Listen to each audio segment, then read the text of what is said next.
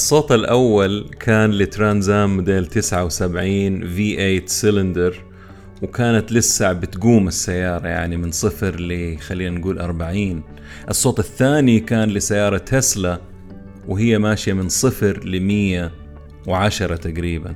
ففي فرق كبير في الأصوات. الأصوات الأولانية اللي تعودنا عليها سواء كنا نعشقها أو تزعجنا أو نميزها عن بعض يعني السيارات. الآن آه، صوت سيارات التسلا أو السيارات الكهربائية ما لها صوت. الشباب في المستقبل راح يفتقدوا هذا آه، الشيء أو الأصوات لكن اللي اكتشفته إنه جوة السيارات هذه الكهربائية أنت تتحكم أو تتحكمي أنت في الصوت اللي تبغيه للسيارة يعني تسجيل بيكون. عدد الأحصنة ال 454 أو آه، الشكمانات اللي تنبعث منها عطور حرق الوقود الملوثة للبيئة كلها راحت. الأسباب طبعا تكلمنا عنها قبل كذا. آه، منها التحول للطاقة البديله آه، فرض سياسات آه، صارمة من الحكومات على شركات السيارات. إنها تتحول تدريجيا لسيارات كهربائية. زيادة وعي السائقين نفسهم ومحافظتهم على البيئة. كل هذا بالنسبة لتاريخ صناعة وقطاع السيارات ماشي بسرعة يا دوب تلحق تصيد لوحة التغيير اللي حاصلة فيه. قطاع السيارات العالمي يعاني. ما أقدر أقول إنه بيحتضر ولكنه بينكمش. يتوقع خبراء السيارات إنه تنخفض مبيعات السيارات العالمية 20% في السنة. وبنهاية 2020 توصل ل يعني الطاقة الإنتاجية للسيارات في العالم 59 آه، مليون ونص سيارة يعني 59 مليون و500 ألف سيارة. اقتصاد منكمش كوفيد 19 تغيير في سلوك المشتري عزوف عن الشراء واستخدام أوبر ومثيلاتها مع إنه في 2019 آه، المبيعات آه، وصلت 80 مليون من قبل المتفائلين. يعني كانوا متفائلين إنه راح توصل ل 80 مليون لأنه السبب إنه في ما بين 2010 و 2018 كان في صعود. وصلت المبيعات ل 70 مليون سيارة. عشان نعرف حجم قطاع السيارات آه، مع إنه ما هو من أقوى عشر قطاعات في العالم لكنه قوي ومؤثر على اقتصاد دول كثير. الاقتصاد الأمريكي حجمه 20.8 تريليون دولار وقطاع السيارات يمثل تقريبا 3% من هذا المبلغ أو الاقتصاد الأمريكي. بالأرقام يعني 545.5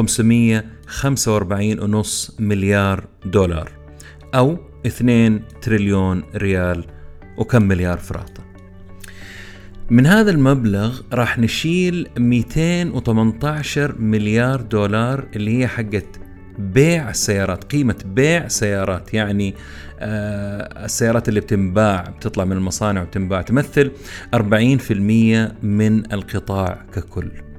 القطاع آه بيشتغل داخله 18 مليون موظف. يعني ما هو لعبة 18 مليون دولة. حبيت أسلط الضوء على القطاع آه، من قبل أكبر اقتصاد في العالم.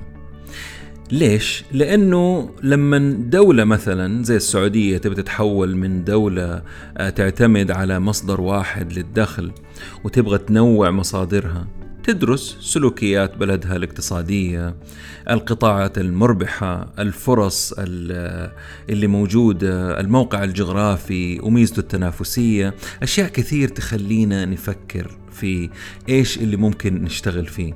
طبيعتنا من زمان طبيعة استهلاكية والصناعة آه، فقط في البترول ومشتقاته مع بعض الصناعات الغذائية والعمرانية. التوجه الآن غير التوجه اقتصادي. التوجه خلق فرص واقتناص فرص. بياناتي مدروس آه، يتم رسمه والتخطيط له على يد متمكنة ممكنة قادرة تصنع مستقبل مشرق مو بس كلام. عالم البزنس عالم مثير متغير وله جوانب كثيرة. ولأني بصراحة طفشت من التنظير والتكرار والفلسفة والمثاليات الغير مفيدة. أدور الدروس والمفاهيم الجديدة والعبر من القديمة وتأثيرها على حياتنا. ما قابل غير المفيدين بغض النظر عن شهرتهم. بودكاست عالمي بنكهة محلية. وأهم شيء عملي وعربي. يا هلا وسهلا بالجميع. في بودكاست نتكلم بزنس مع ممدوح الردادي. خلينا الآن نسلط الضوء على السعودية وسوق السيارات. قبل لا أنسى اليوم عندي ضيفين بعد شوية راح نقابلهم سوا في عالم السيارات. بس أول نخلص شوية معلومات مهمة. حجم سوق السيارات في دول مجلس التعاون الخليجي تقريبا واحد ونص مليون سيارة سنويا أظن بتنباع. عام 2015 مبيعات السيارات في السعودية كانت 878 ألف سيارة. وعام 2000 و18 419 665 هبوط بنسبة تقريبا 50% 48% ومتوقعين المبيعات عام 2023 تكون تقريبا 497 ألف سيارة. لا تزال تويوتا هي اللي متصدرة المستوردين وتمثل ما نسبته 31% من إجمالي مبيعات الركاب. لأنه في سيارات ركاب وفي سيارات نقل خفيف نقل ثقيل وإلى آخره يعني وحنتكلم عنها تقريبا وشاحنات طبعا حنتكلم نجيب سيرتها. بعد تويوتا تيجي شركة هونداي ونيسان ومازدا وجي إم آه وكيا على التوالي. تبغوا عدد السيارات؟ أبشروا. مبيعات تويوتا 59 ألف سيارة هونداي 100 آه 28 ونص يعني 28 ألف سيارة نيسان 14251 سيارة شيفرلي 12100 سيارة مازدا 12620 هوندا 6700 لاند روفر طاحت مبيعاتها 31% وجاكوار 11% كاديلاك وميزراتي آه، في زيادة في مبيعاتهم 17% و16% لا تزال شركة BMW مرسيدس بنز ولكزس هم قادة سوق السيارات الفارهة بدون منازع. والفخمة طبعا تروح لرولز رويس وبنتلي. أما بالنسبة لسيارات الشحن الكبيرة التجارية commercial vehicles 2018 آه، كانت 82 ألف واحتمال توصل 97 ألف عام 2023 وفي مصنع لشركة إيسوزو في المنطقة الشرقية من عام 2012 بصراحة ما كنت أدري. آه الهدف حقهم إنهم يصنعوا 25 ألف شاحنة بحلول عام 2020 اللي إحنا فيه ويتم تصدير 40% منها. عمالقة هذا السوق فولفو مان ومرسيدس بنز إجمالي الشركات الأربعة في المبيعات 12 ألف شاحنة وهدفهم المشترك إنهم يوصلوا ل 39 ألف شاحنة عام 2022 لو جينا نبغى نعرف آه، فرص في سوق الحل إنه إحنا نفصل السوق تفصيل. عشان نبسط الموضوع خليني أبدأ بالسيارة نفسها. السيارة تنباع من الوكيل للمشتري. المشتري لازم يكون عنده رخصة وتأمين واحتمال آه، في إمكانية تقسيط أو تأجير. المشتري يحتاج صيانة. الصيانة يعني تغيير زيت وفرامل وزيوت وقطع غيار. اللي يغيروا الزيت آه، ويعملوا الصيانة موظفين. على الطريق في مرور وفي مخالفات وقبلها في مدارس قيادة للسيارات. السيارة تحتاج غسيل وتصليح وسمكرة لو لا سمح الله حصل حادث. السيارات الجديدة تنباع في سوق سيارات وفي مستعمل للسيارات المستعملة. التأمين يختلف من شخص لشخص ومن سيارة للأخرى. البنوك وشركات التأجير بتعطي تسهيلات عشان الناس يشتروا السيارات. في شركات تأجر السيارات وفي شركات توصل لك الطعام بسيارات ودبابات وسواقين. في شركات توصل بضائع عبر المدن والقارات تحتاج تريلات أو شواحن كبيرة شحن سيارات شحن. وتنقل وفي وفي باصات تنقل مسافرين كبيرة وصغيرة. في جهات تقدر تزين سيارتك عندهم وتزيد من قوتها وتغير شكلها وتجددها. في إنسان يحب يغير سيارته كل سنة والثاني ما يغيرها إلا كل عشر سنين فاللي ما يغيرها يحتاج صيانة واهتمام أكثر من الأول. أعتقد طفشتكم بالقصة هذه ولكنها قصة يمكن طويلة ولكن كان لابد عشان أوصل للموضوع التالي وهو الفرصة المليارية اللي كانت بتبحلق في وجيهنا سنين وما نسمع إلا ناس تقول ليش ما عندنا شركات تصنع سيارات وزي غيرنا؟ ليش ما عندنا إمكانيات نفتح مصانع لسيارات أجنبية زي مصر وتركيا وغيرها من الدول؟ ليش ما نخترع سيارة وغيرها من الأسئلة اللي تحتاج أجوبة مقنعة؟ الجواب جاء على صورة مجمع صناعي للسيارات. إحدى مبادرات البرنامج الوطني لتطوير التجمعات الصناعية. عشان تعمل مشروع بالضخامة هذه لازم يدرس ويفند ويطبق بطريقة لوجستية عملية اقتصادية. بالبلد كده مشروع يكمل بعضه.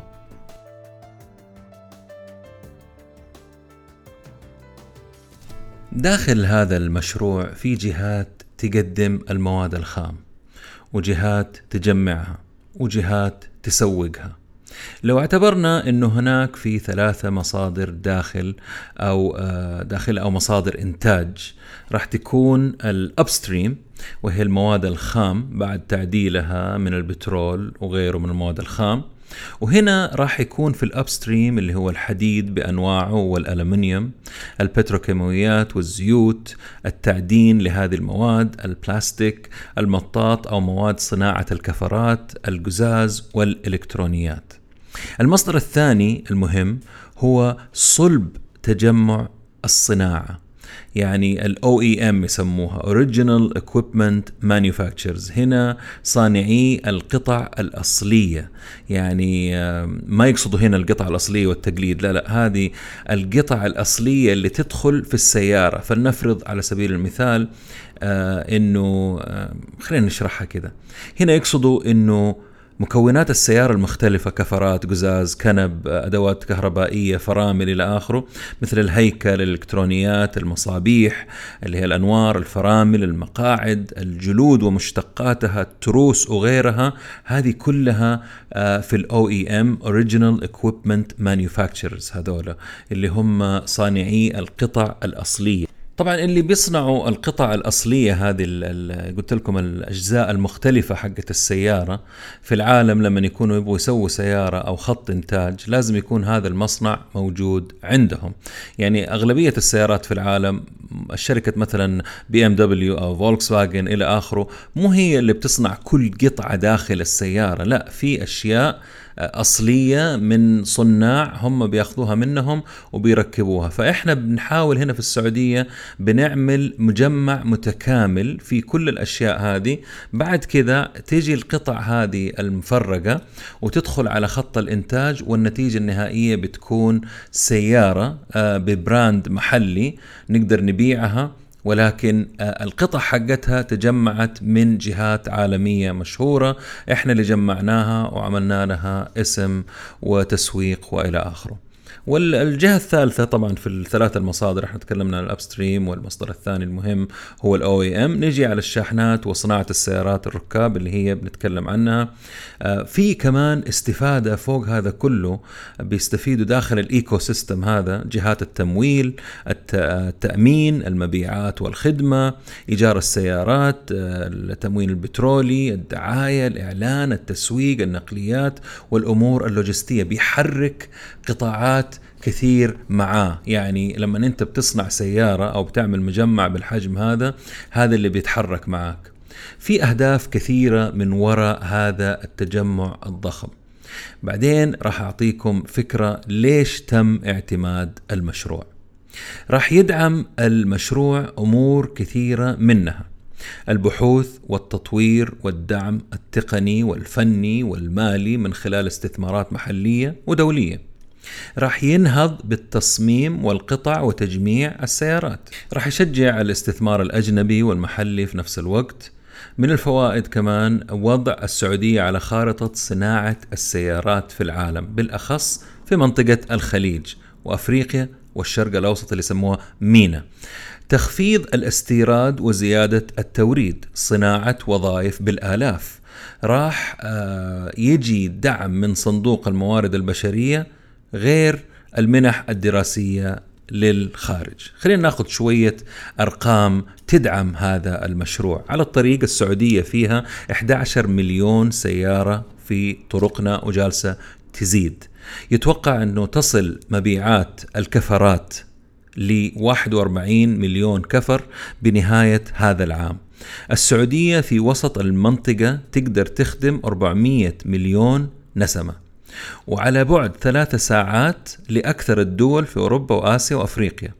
عدد سكان المملكة 33 مليون بزيادة سنوية 2.3% متوسط دخل الفرد السنوي يعتبر جيد بالمقارنة بدول أخرى اللي هو آه تقريبا 80 ألف ريال سنويا اللي هي 23 ألف دولار جي دي بي آه للفرد. سوق قطع الغيار السعودي قد يصل إلى 3.65 مليار دولار بنهاية 2020 لأنه كان في 2014 2 مليار دولار فقط يعني بزيادة مليار و600 مليون دولار. طبعا زي ما أنتم شايفين في الساحات الاجتماعية وفي كل مكان في حرب شرسة على قطع الغيار المقلدة. الحكومة مشددة على كل شركات السيارات اللي نستورد منها.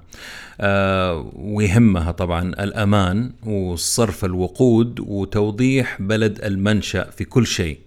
آه، بطرق حديثة وقوية اللي أدى إنه في بقرا مقال أو تحليل من شركات الكورية كوترا اسمها إنهم بيبكوا ويشتكوا من كثر الضغط اللي إحنا هنا في السعودية بيعملوه عليهم. يعني أنا أستغرب الشركات هذه إنها تزعل إنه البلد جالسة تحافظ على مستوى الجودة وترفع فيه وتحافظ على المستهلك وهم يبغوا الأمور تمشي بطريقتهم.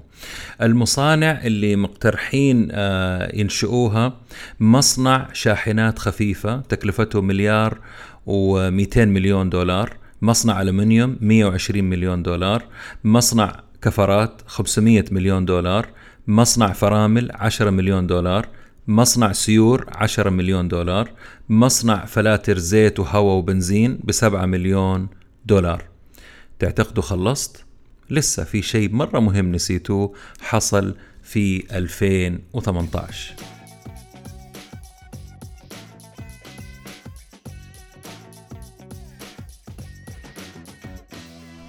الموضوع هو سواقة السيدات. عدد الإناث في السعودية 15 مليون. كترتيب كثافة أكثر أربع مناطق في المملكة هي الرياض 3.6 مليون وتقريبا 4 مليون في منطقة مكة المكرمة مليون في المدينة المنورة و2 مليون في الشرقية. أما بالنسبة للي جاهزين أو مؤهلين لقيادة السيارات منهم 3 مليون. بالنسبة لقطاع السيارات هذا الرقم يعتبر محفز وفرصة طبعا. على المدى القصير رخص قيادة مدارس قيادة جديدة مبيعات سيارات تأجير سيارات وتأمين طبعا. السوق هذا حق التأمين وصل العام الماضي ل 30 مليار ريال تقريبا. على المدى المتوسط البعيد الصيانة والغسيل والتلميع والإكسسوارات محطات وقود وزيوت زيادة في مبيعات قطع التجزئة والتوصيل والمواقف والتوظيف كذلك. راح يزيد أو ينتعش سوق المستعمل. الاستغناء على السواقين وتوفير فلوس وأمور مماثلة. هذا بالنسبة للسوق السعودي. عشان حتة المعلومات والأرقام والأمور الاقتصادية لازم أذكر موضوع تكلمت عنه زمان في بودكاست الإندماجات والاستحواذات وأسبابها. القطاع حق السيارات بصفة عامة في العالم شهد اندماجات كثيرة وحديثة ولسه باقي عليهم. لو طلعنا تحت مظلة فولكس واجن راح نلقى ال brands التالية. فولكس واجن نفسها حنلاقي بورشه لامبورغيني بوغاتي بنتلي سكودا سيات أودي ومان وسكانيا ودبابات دوكاتي. مبيعات المجموعة كانت الأعلى عالميا 10.90 مليون سيارة. تحتها يجي أو تحت رينو ونيسان معاهم حليفهم ميتسوبيشي مبيعاتهم السنوية 10.60 مليون سيارة. أما لما نجي على الناحية الإيطالية الشركة الإيطالية فيات الشركة الصغيرة العملاقة فيات PSA تحت مظلتها في شوفوا السيارات بيجو ميزراتي رام دوج جيب فيات DS ماركيز فوكسل اوبل وستغوين آه، اتفاقية تمت في ديسمبر 2019 بين فيات الإيطالية و PSA الفرنسية آه، على أساس أنهم يندمجوا مع بعض بنسبة 50 50 بالتالي دخلوا كل الشركات هذه مع بعض. شركة جي إم العملاقة ترتيبها العالمي هو الرابع بمبيعات 8.38 مليون سيارة سنويا. على صعيد آخر عدد السيارات الكهربائية في العالم جالسة تزيد وصلت لسبعة 1.2 مليون سيارة 7 مليون و200 ألف سيارة. أغنى شركة سيارات في العالم ما هي بالعدد وإنما بالقيمة السوقية. وهي سيارة المستقبل هي سيارة تسلا وتقدر قيمتها ب 190 مليار دولار. وبكذا قيمتها أتخطت شركة تويوتا اللي كانت مسيطرة على السوق سنوات كثير من حيث التنوع طبعا والمبيعات العالمية اللي عمرها 82 سنة. تسلا عمرها 16 سنة تعتبر تينيجر سر تفوق تسلا في سوق الأسهم المؤخر هو ترقب السوق لإعلان تسلا عن بطارية ابتكارية تكلمنا عنها في البودكاست اللي راح آه اللي مسمينها البطارية ذات المليون ميل مليون مايل باتري يعني البطارية ما تحتاج تتغير قبل مليون وستمية ألف كيلو متر. الصين تتقدم العالم في عدد السيارات الكهربائية المباعة وبعدها أوروبا وأمريكا. أهم أمور آه يدوروها السواقين أو أصحاب السيارات اللي هي توفير الوقود السلامة الاستخدام اليومي السعر المنخفض الجودة الراحة التصميم الخدمة والصيانة المساحة الداخلية وآخر واحدة على فكرة يعني للأسف الشديد ولكنه واقع آه، المحافظة على البيئة. طبعا تختلف من بلد لبلد الأمور هذه. أنا بتكلم عن أمور اللي تهم أي سائق. أي سائقة بتشتري سيارة بتفكر في الأشياء هذه. مو بس يجوا يطالعوا أوه والله شكل السيارة حلو. لا الناس لما بتشتري سيارة بتفكر يعني السيارة هذه كيف حستفيد منها؟ مساحتها الداخلية حتى مساحة الشنطة لما بتشوفوا الناس اللي بيراجعوا السيارات مساحة الشنطة الخلفية تشيل ولا ما تشيل؟ الصيانة مرة شيء مهم الأمان شيء مرة مهم. في سيارات الناس شكلها ما يهمهم ولكنها آمنة زي زمان فولفو. فتختلف المسألة من إنسان للثاني.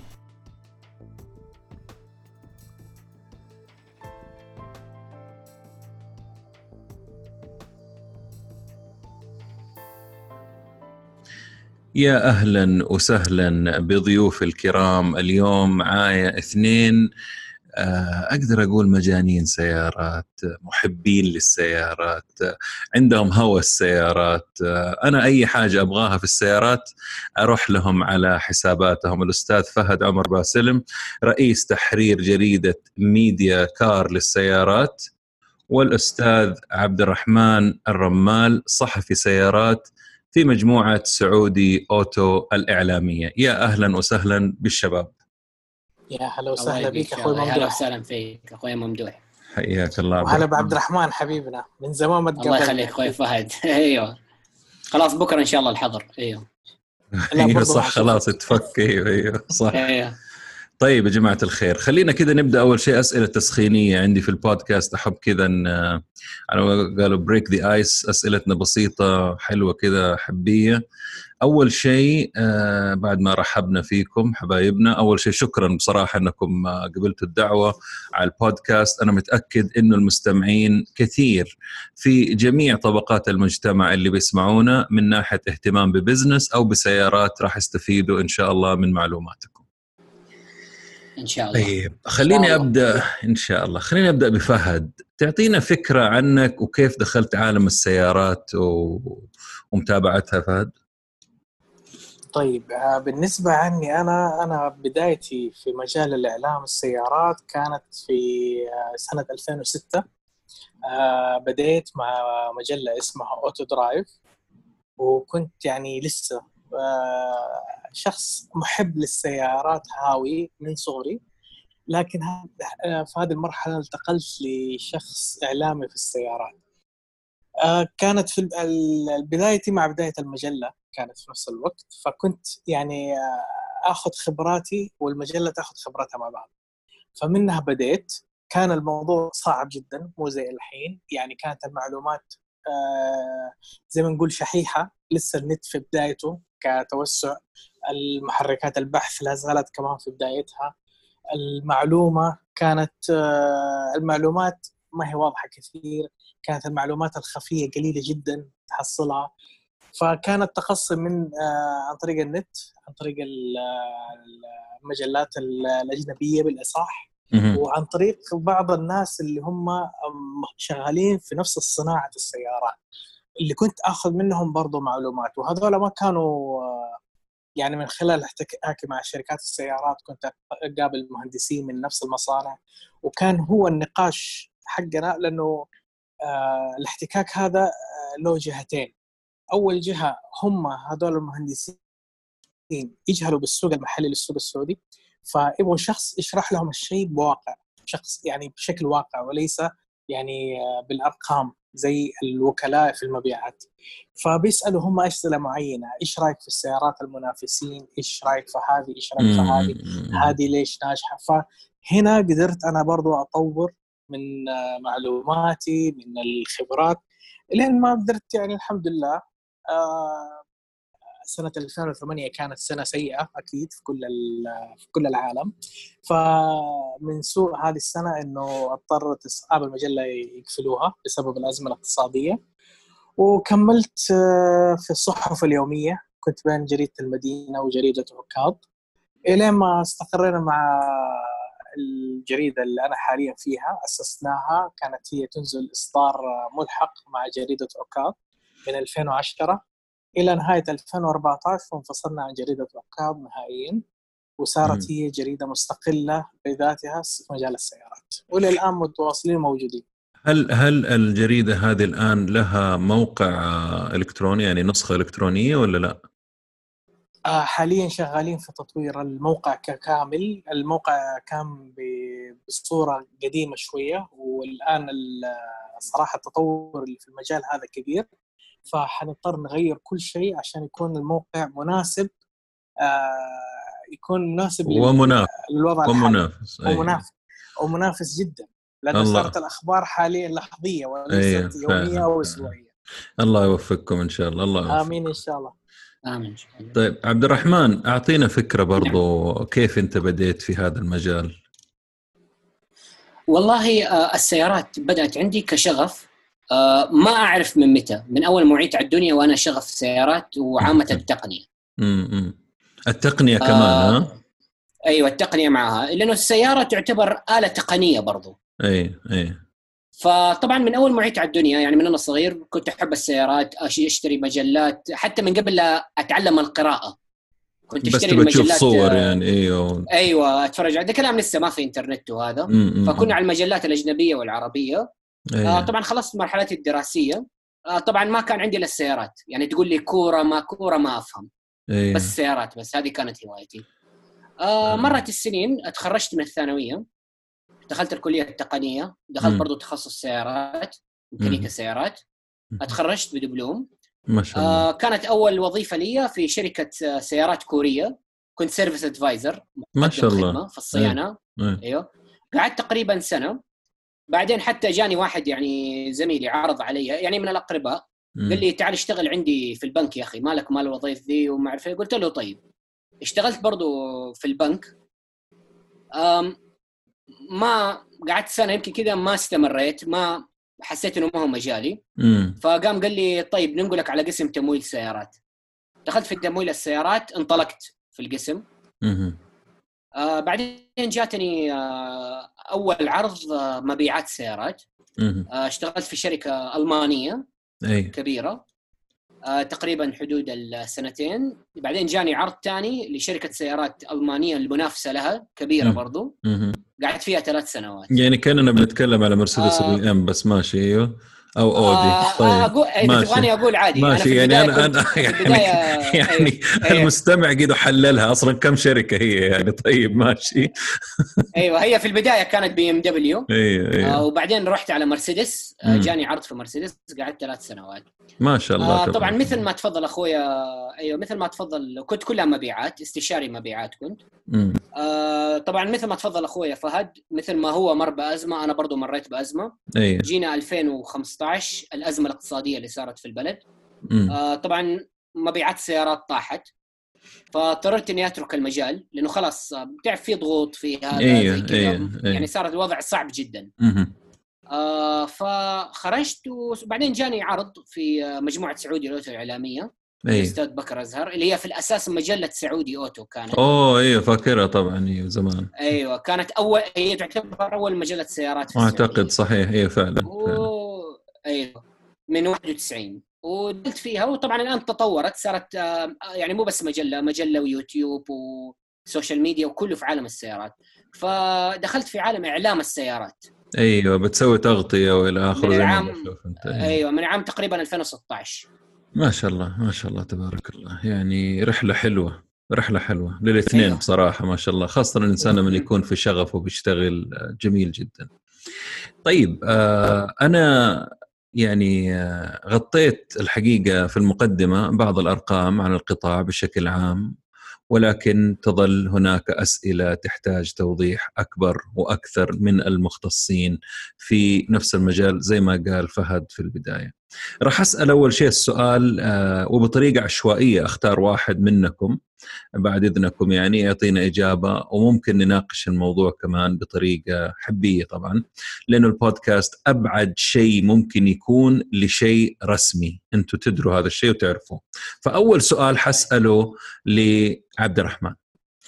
لو الميزانية ما كانت عائق وكان مطلوب منك تحدد واحدة سيارة فقط تشتريها وتقعد معاك خمسة سنوات. إيش هي السيارة اللي تختارها يا عبد الرحمن؟ وليش طبعا؟ والله المشكلة إنه السيارات كثير جدا. عارف. بتقول عليها يعني أيوه يعني في نفس يعني في نفس هذا المجال اللي أنت تقول عليه. آه طبعا حاخذ سيارة واحدة بتكون كمان خدمات صيانة فيها كويسة أبغى السياره يا عبد الرحمن أيوه. لا تلف وتدور معانا طيب. سيارة.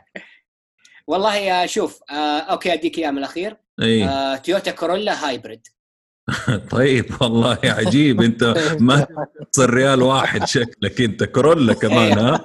خمس سنوات. كورولا هايبريد هايبرد على عيني وراسي يعني أيوه. بعدين حنتكلم أيوه. في ال hybrid طيب حلو أيوه. ممتاز ممتاز أنا أحترم رأيك وأحترم اختراع آه، إيش اسمه الاختيار حقك فهد أنت أيوه. آه كان عندك وقت طبعا تفكر دحين هو بنسائل تحسب يعني إنه أنت حيفلت عليك وفكرت إيش تقول لكن نفس السؤال لو ميزانيتك مئة ألف ريال فقط آه أوكي. أو مستعمل أنا لا حددتني يعني. إيوه إيوه طبعا. آه انت هنا حددت إيوه. أنا عندي ما حددت إيوه. شكلكم ما تعرفوا اسئلتي لسه. جايتكم أيوة أسئلة مرة حلوة. إحنا بنسخن ترى. طيب. طيب. السعر 100000 وش 100000 ريال. تقدر تشتري جديد أو مستعمل ما يهمني. إيش تختار؟ سيارة واحدة. آه لا إذا مئة ألف وحستخدمها خمس سنوات لا حاخذ سيارة جديدة. صراحة ممكن أتجه إنه آخذ آه يمكن سيارة قريبة من اللي اختارها هو اللي هي الكامري الهايبرد. آه.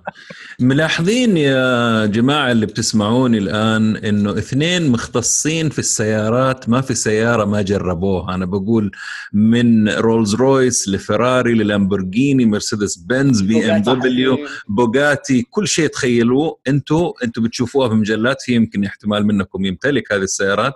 ولكن هذول واحد أختار كورولا hybrid والثاني أختار إيش؟ كامري كامري. كامري hybrid ممتاز. يعني انت طيب تمام. فهد السؤال لك. لو في سيارة نفسك تلغيها من الوجود وكأنها عمرها ما صنعوها ولا كانت إيش هي السيارة وليش؟ أوه. واحدة سيارة. يعني طيب أوكي. قلت أوه معناته عندك قصة. لا هي شوف في سيارة كنت أكرهها حتى كنت أتحاشى تجربتها لفترة طويلة اللي هي كانت سيارة انفنتي الكيو إكس 80 هذا الجيب الكبير صح؟ إي نعم بس الشكل إيه؟ القديم هو الأخير إيه طيب إيه. حتى لدرجة إنه آه كنت موجود مع رئيس انفنتي للشرق الأوسط إيه؟ فقاعد يسأل كان باحتفالية إنه حي... حيرجعوا السعودية. بعد ما انتهى علاقتهم مع الوكيل القديم و... وعدم وجودهم في السوق يمكن لفترة خمس سنوات أو أكثر.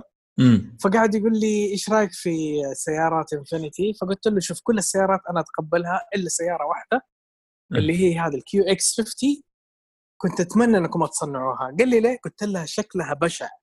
أنا كنت أتمنى وقلت له إياه حتى قاعد يضحك يمكن ربع ساعة هو والمدير المدير عام نيسان. قلت له أنا أتمنى تجيب لي المصمم اللي صمم السيارة هذه وأسوي له زي عقاب الساموراي اللي قطع اصابعهم لأنه يستحق هذا العقاب. ما عاد ما عاد يصمم. يضحك ربع ساعة. لا لا هو مقتنع معايا. أيوه أيوه واضح من ضحكه أيوه لما إيه فقلت قالوا لي ليش هاي؟ قلت لهم أحد ياخذ يعني تعرف إحنا في مجال السيارات في عندك شيء ملهم للتصميم. أيوه أيوه الملهم لتصميم السيارة هذا وحيد القرن. قلت له والله حتى وحيد القرن كرهكم فيها مو أنا. في في سيارات في بالي بس ما حقولها مثلا دحين مو آه وقته. طيب حلو. طيب. عبد الرحمن إيش في سيارة أيوه. تتمنى استمرت زي ما هي بدون أي تغيير حتى لو من 20 سنة أو 30 سنة؟ آه الفورد كراون فيكتوريا. طب هي زي ما هي ما تغيرت يا عبد الرحمن؟ آه لا بس آه أنا قصدي كنت أتمنى إنها تتطور أكثر لا أنا أبغى سيارة أنت ما تب... ما أيوه. تبغاها ما تتغير زي نفس الشكل عمرهم ما يجددوها زي ما هي كل سنة ينزلوها. فعلا زي الكراون فيكتوريا عمرهم أيوه. ما غيروا شكلها. مستمرة للأبد. من, آه من 98 ل 2011 سي...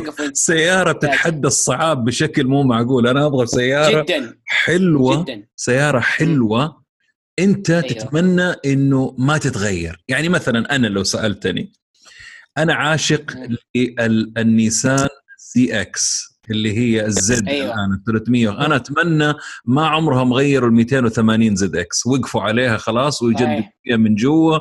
هذاك الشكل شكل إيطالي رهيب ياباني أستمروا عليه. أنت إيش في سيارة في بالك كذا والله شوف كانت أجمل سيارة عندي. الدوت شارجر الجيل الأول. أوه ال60s ها؟ وال70s قصدك. أيوة. أيوه. لا هي شوف لأنه الجيل الأول منها أيوة. قعد سنة واحدة بس.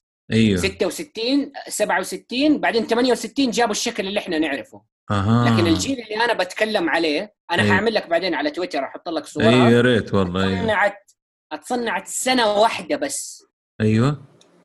هذه من أجمل السيارات الأمريكية وأجمل سيارات المصل اللي تصنعت على مدى التاريخ.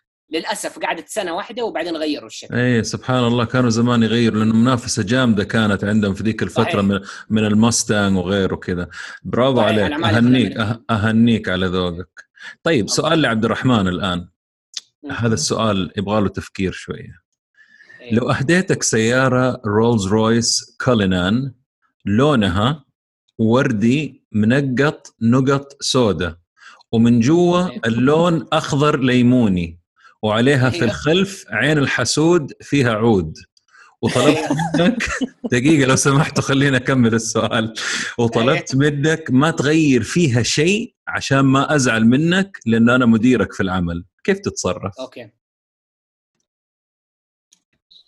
ما أغير فيها شيء ولا شيء. كمديري في العمل. خلاص هذه سيارتك. أم... أدخل فيها في جدار ولا أسوي فيها حادث؟ كولينان يا راجل تدخل فيها في جدار. ليش ليش مو عاجبك اللون يا أخي؟ أخضر ليموني من جوا يجيب لك القلق. لا هو من برا هو من جوا أنا ما عندي مشكلة. ما في حد ما في حد. فهد ما عنده مشكلة من جوا اخضر ليموني أيوه لأنه لأنه لأنه ما في حد حيطالع للسيارة من جوا. أنا علي آه حتضللها ممكن حركة والله برضه هي تنصرع أيوة. تنصرع لوحدك أنت والركاب عادي. أيوه, أيوة. يا سيدي يا سيدي يا سيدي ما دخلها في جدار. آه. انقلب فيها في مجرى السيل أرميها يا ساتر. لدي الدرجة مستحيل ها؟ طيب ماشي. أيوه. طيب, طيب. مع إنه اللون أحس إنه يعني ذوق بصراحة عموما فهد. طيب اللون أنت؟ اللون ذوق بس عليه نقط سوداء أنت هي الذوق يا أيوه. رجل. هي الذوق. Pink Panther منقط. عنده مرض جدري. طيب يا فهد إيه. أنت نفس السيارة بس هي طريق رزقك وشغال عليها في كريم. كيف راح تتصرف؟ لو أنا أول زبون دخلت عندك وقلت لك عفوا أحد قال لك إنه ذوقك يهبل؟ حقول له من جمال ذوقك أنت أكيد. طب هي سيارتك اللي هي اللي تكد عليها يعني عادي ما عندك مشكلة تشتغل. فهي إذا أنا حكد عليها في كريم أو أوبر زي ما تقول أيوه. عادي حكد عليها لأنه مو مشكلة عندي لأنه حتنعدم بعدين أغير زي ما أبغى ما عندي مشكلة. ماشي ماشي طيب فهد أكثر شيء يعجبك أو يعصبك عفوا في سواقة الناس. وما في أي فائده ما ما إحنا قادرين نحل المشكلة. إيش هو الشيء؟ آه العباطة. إيش يعني عباطة؟ ما حد يفهم إيش يعني, يعني عباطة يعني أوكي. يعني عباطة إنه ما يحترم إنه في غيره في الشارع. يعني. مثلا آه يبغى يلف يمين فيروح يمين بالذات لما تكون عنده سيارة كبيرة عائلية. أيوه أيوه وهي 90% من سياراتنا. 90% هذول أيوه. لا كبيرة أنا أتكلم. فهذول بياخذوا اللفات بدون ما يفتكروا إنه ترى في ناس غيرك في الشارع. أيه. الشارع مو ملكك الشخصي أنت هو باسمك المرور مدينك صك على الشارع عشان أيه. تسوق فيه بمزاجك يعني. فبياخذ اللفة بدون ما يطالع أو يعطي إشارة. طيب يا أخي عشان كذا في آه لسه بدي نصيحة لولد أخويا آه أمس فلأنه فرحان بسيارته الجديدة قلت له شوف تبغى سيارتك دي تعيش معك سوق زي إنك شايب فوق الستين قال لي ليش؟ قلت له بعد كل ما تزيد بعدك بينك وبين السيارة اللي قدامك كل ما ضمنت إنه سيارتك حتجي للسليمة. اي من الآخر كذا فعلا فعلا. على فهذه الأساسية. على على مسألة العباطة في السواقة في يوم من الأيام كنت ماشي في طريق الملك وواحد سوى نفس الحركة بس مش بسيارة كبيرة.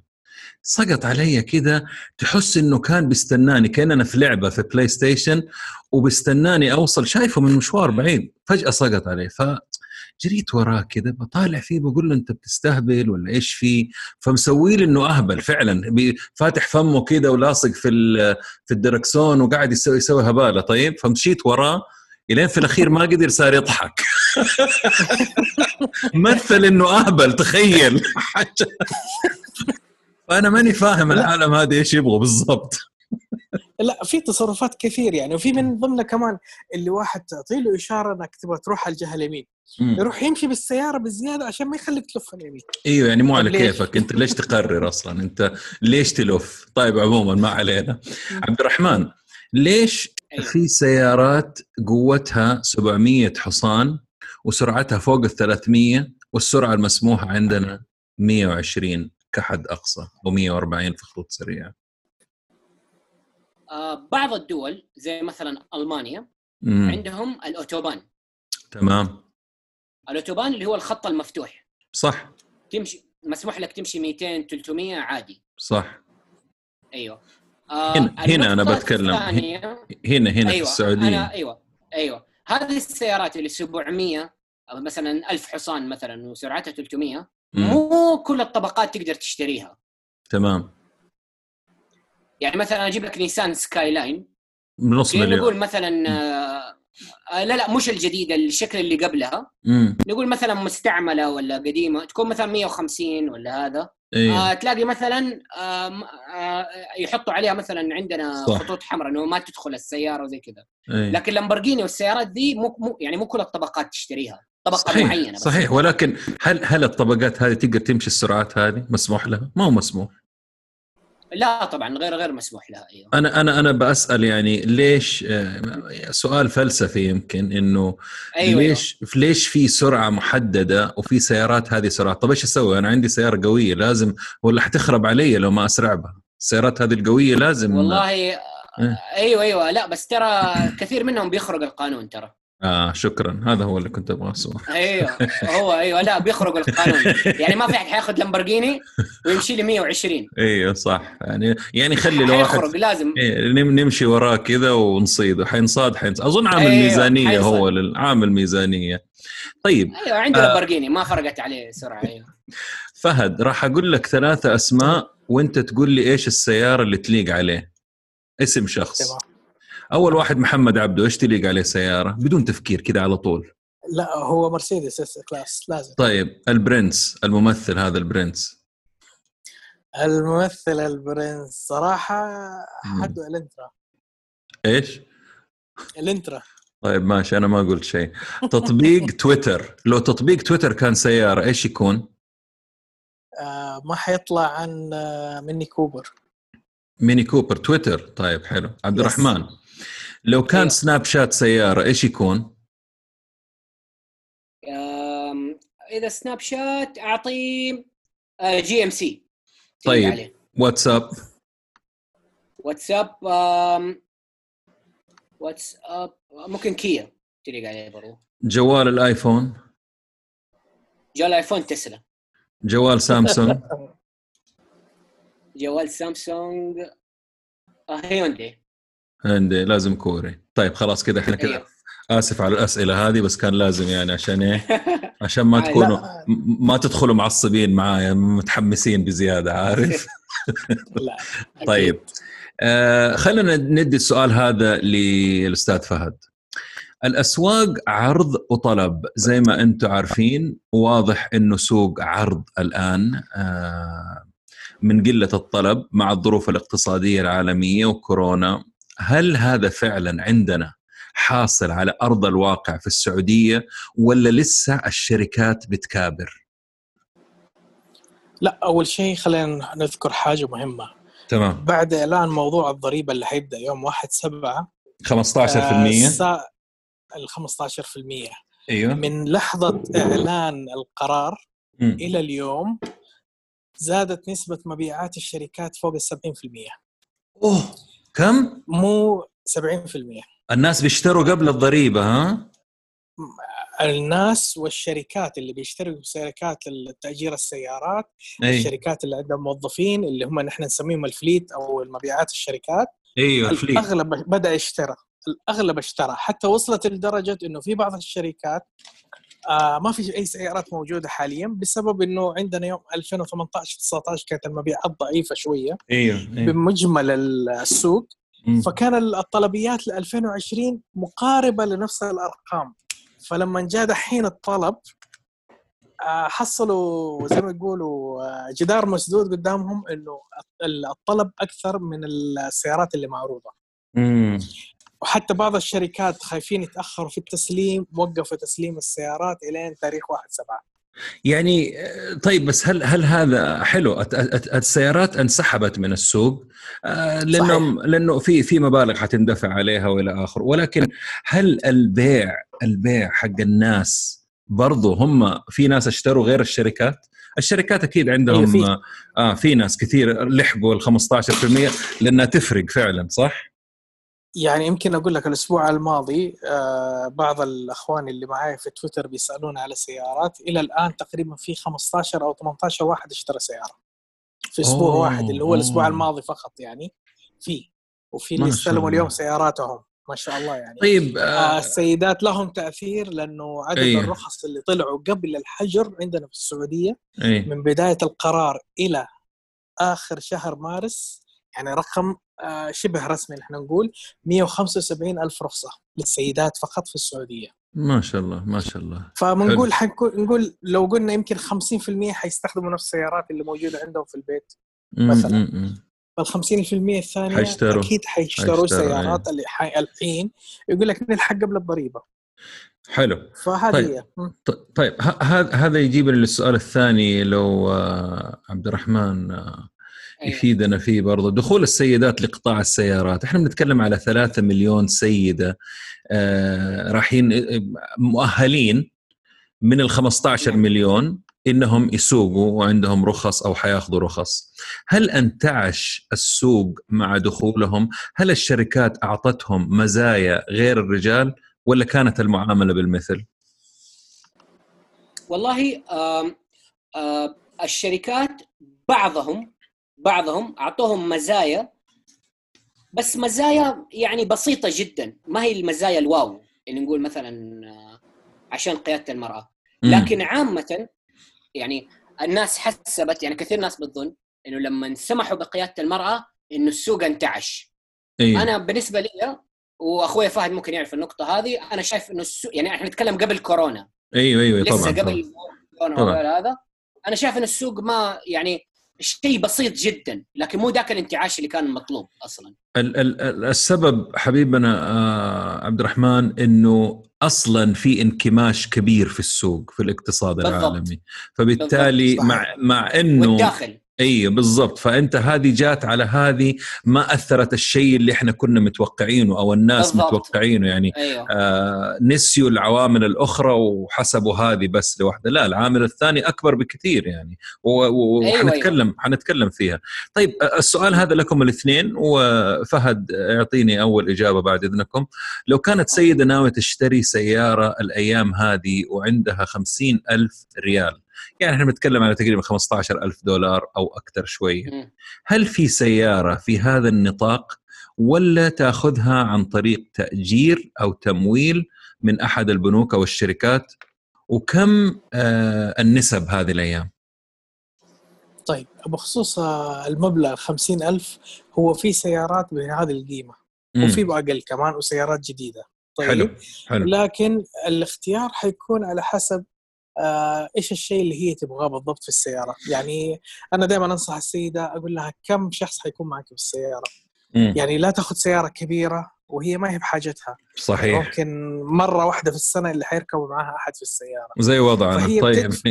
مضبوط إيه؟ فصارت إن هي بتدفع شيء على شيء يعني بتدفع زيادة على حاجة هي ما هي مستفيدة منها.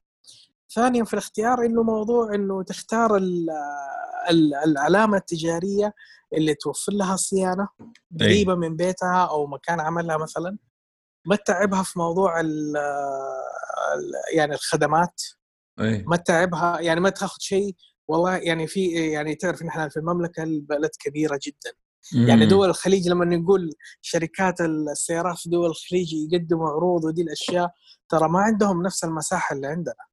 فحتى يعني الوكلاء في الخليج حاولوا يجوا للسعودية عشان يبيعوا فشلوا ليش؟ ما حيقدر يسوي زي اللي عندنا هنا لأنه مساحة كبيرة فما تقدر تلبي الموضوع ده.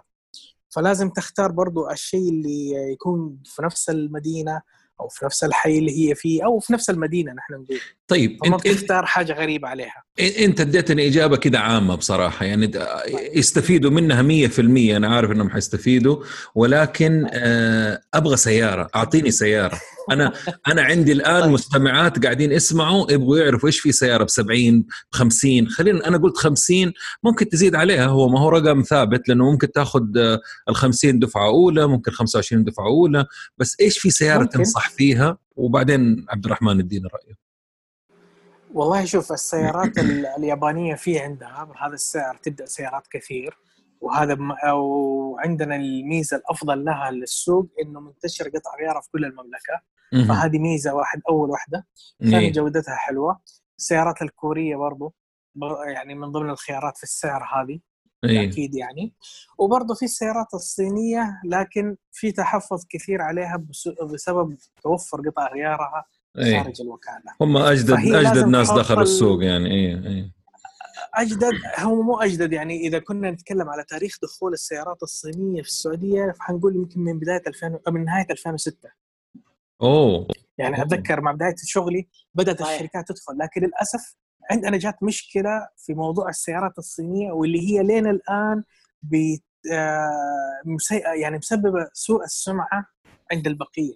اللي هو إنه كل واحد قال لك خلينا أنا أجيب شركة سيارات صينية في السعودية واصير وكيل صح اسمي ينشهر أنا صح. كوكيل مم. بعد سنتين ثلاث سنين يقول لك يا أخي ما هي جايبة همها لأنه استثمار السيارات طويل الأمد مش بس طبعا الأمد. طبعا طبعا طبعا هذا أكيد أكيد. فلا عندنا هذول إنهم تجار جدد فما هم متعودين على الموضوع ده فيقول لك لا خلاص قفل إلغي الوكالة ويمشي مع السلامة طب الناس اللي اشتروا السيارات صحيح صحيح يدوروا لهم حل فهذه المشكلة اللي صارت من 2006 الين دحين لكن عشان كذا نحن نقول إيش؟ لما نجرب سيارات صينية أنا وعبد الرحمن دائما نقول للناس يقول لي يا أخي السيارة الصينية ده أقول له قبل ما تدور على السيارة دور على الوكيل. هل هذا الشخص في المجال أو خارج المجال؟ إذا كان خارج المجال أبعد منه لأنه إيه. ممكن ما عنده طول البال حقت إنه يكمل أو لا. لكن اللي في المجال حيعرف الالتزامات إنه لازم يلتزم قدام عميل لأن الثقة هذه هذه هي اللي أغلى من السيارة زي مثلا يكون ممدوح الردادي للعقار ووكاله السيارات مثلا هذا ما تشتري منه أيوه. المفروض صح؟ أيوه لا لأنه ما ت... لأنه مشكلة لا لأن في بعضهم يعني كثير وليس بعضهم كثير بدأوا يعني أديك مثال يعني عادي أذكر اسم ولا ما يحتاج نذكر؟ بدون اسم بدون اسم خليها كذا طيب عامة يعني okay في شركة اللي هي جابت أول سيارة صينية هنا الشركة هذه عندها محلات كثير وبراندات كثير ملابس وألبسة في السوق أيه. فما يحتاج نذكر اسمها اي اي ما استمر أكثر من أربع سنوات اي ورغم إنه آه عنده إمكانيات تجارية أيه. وامكانيات كبيرة مم. طيب يعني هذه هي المشكلة ليش؟ لأنه هو مو بطل لأنه شركات السيارات أو وكالة السيارات أنت تستثمر بال 20 وال 30 سنة عشان تقدر تحقق ربح فيها. مم. أنت حتأسس مركز صيانة هذه فلوس. مستودعات قطع غيار مستودعات سيارات صحيح. عشان تخزين. هذه كلها فلوس. صحيح. يعني ما يعني عندك أنت الاستطاعة صعب. يعني استمروا على الياباني والكوري في الفترة الحالية مع إنه أنا أشوف بعض السيارات الصينية رائعة بصراحة. من ضمنها أذكر MG MG لا لا في في الصينية طيب عبد الرحمن إيش رأيك أنت في الكلام؟ إيش رأيك في الكلام هذا عبد الرحمن؟ واحدة تشتري سيارة ب ألف. حلو. آه مثل ما تفضل أخويا فهد. بالضبط مثل ما قال. الخيارات موجودة. آه ياباني كوري صيني. لكن أمريكي ليش ما بتقولوا يا جماعة إيش إيش فيكم؟ سلامات.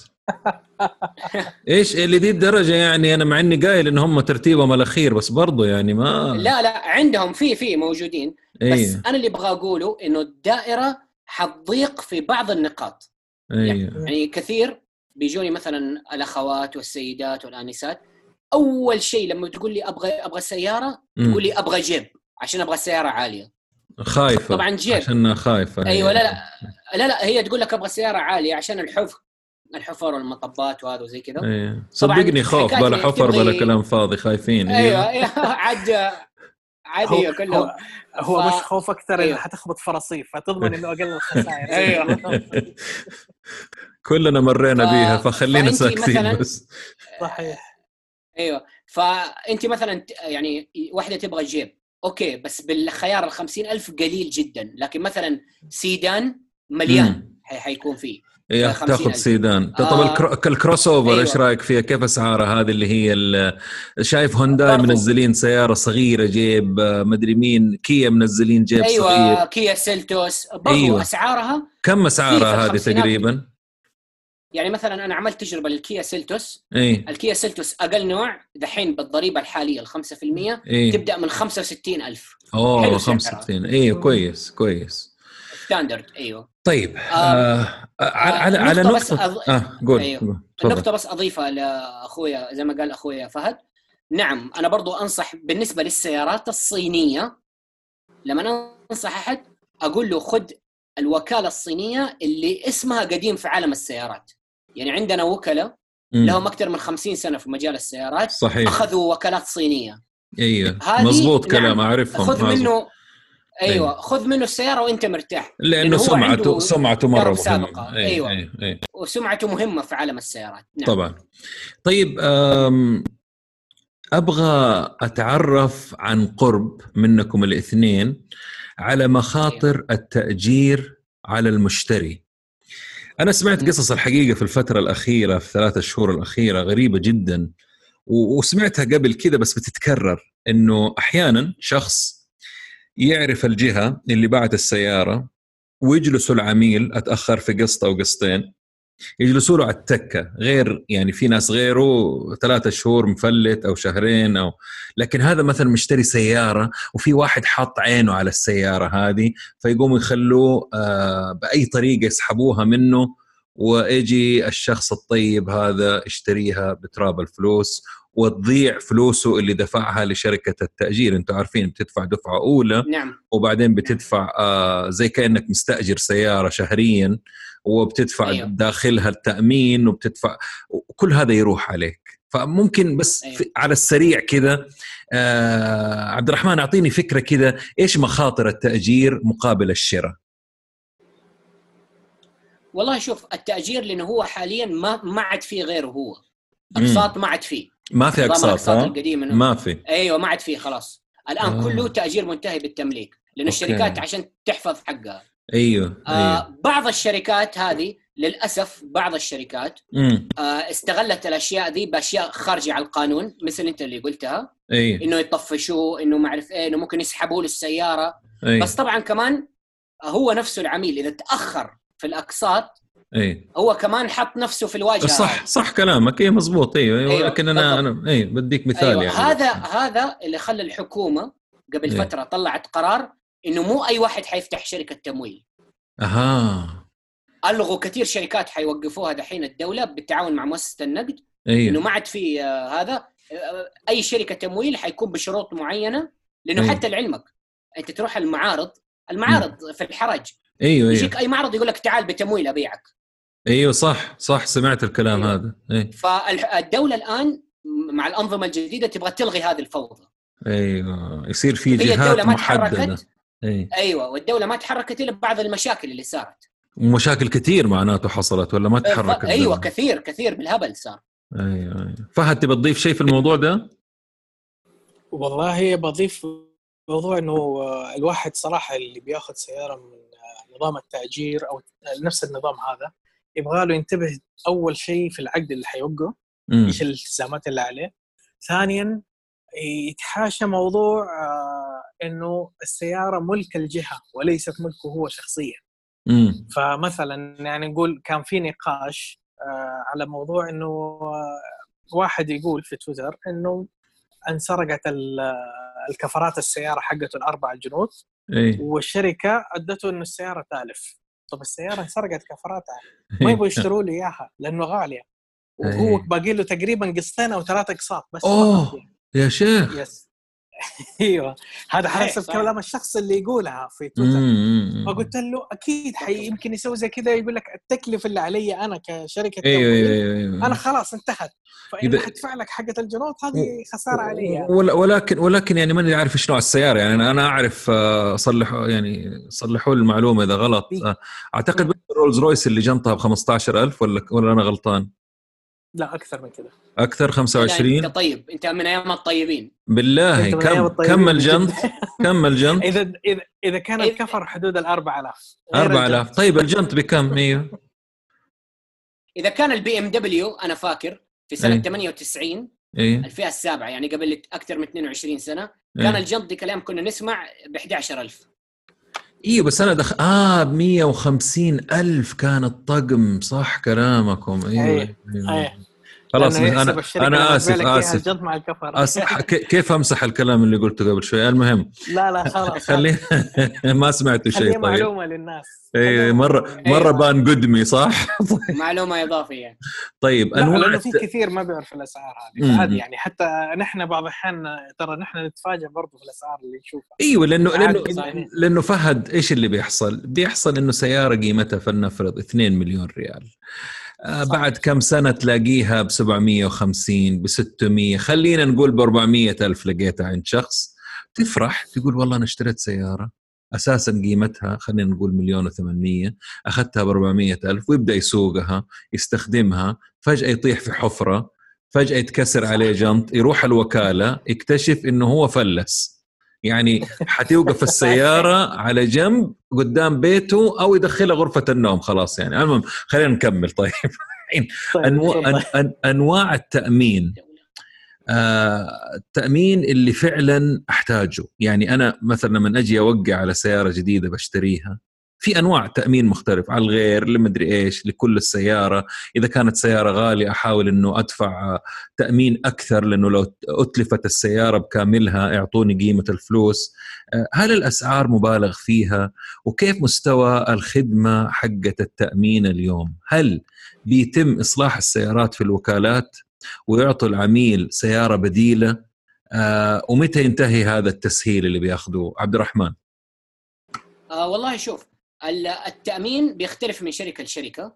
في شركات بتصلح وكالة وفي شركات لا ما. ما بتلتزم.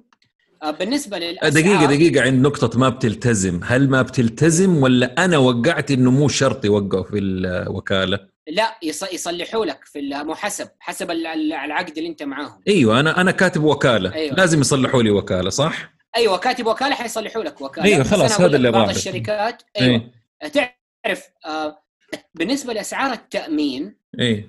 التأمين خلي حكاية التأمين الشامل هذا okay يعني غالي عامه أيه. لكن نجي مثلا يعني التأمين ضد الغير. إيوه ضد الغير أنا سيارتي سيارتي ما هي جديدة. أيه. يقول لك آه 1500 ريال. أيه. سيارتي قديمة مثلا. م. يعني أسعار مبالغ فيها وما عليها أي رقابة للأسف. أه دقيقة اشرح لنا آه، تأمين ضد الغير. إيش يعني؟ إيش حيحصل؟ التأمين ضد الغير اللي اللي زي ما تقول إيش؟ يعني مثلا أنا عملت تأمين ضد الغير صدمت واحد.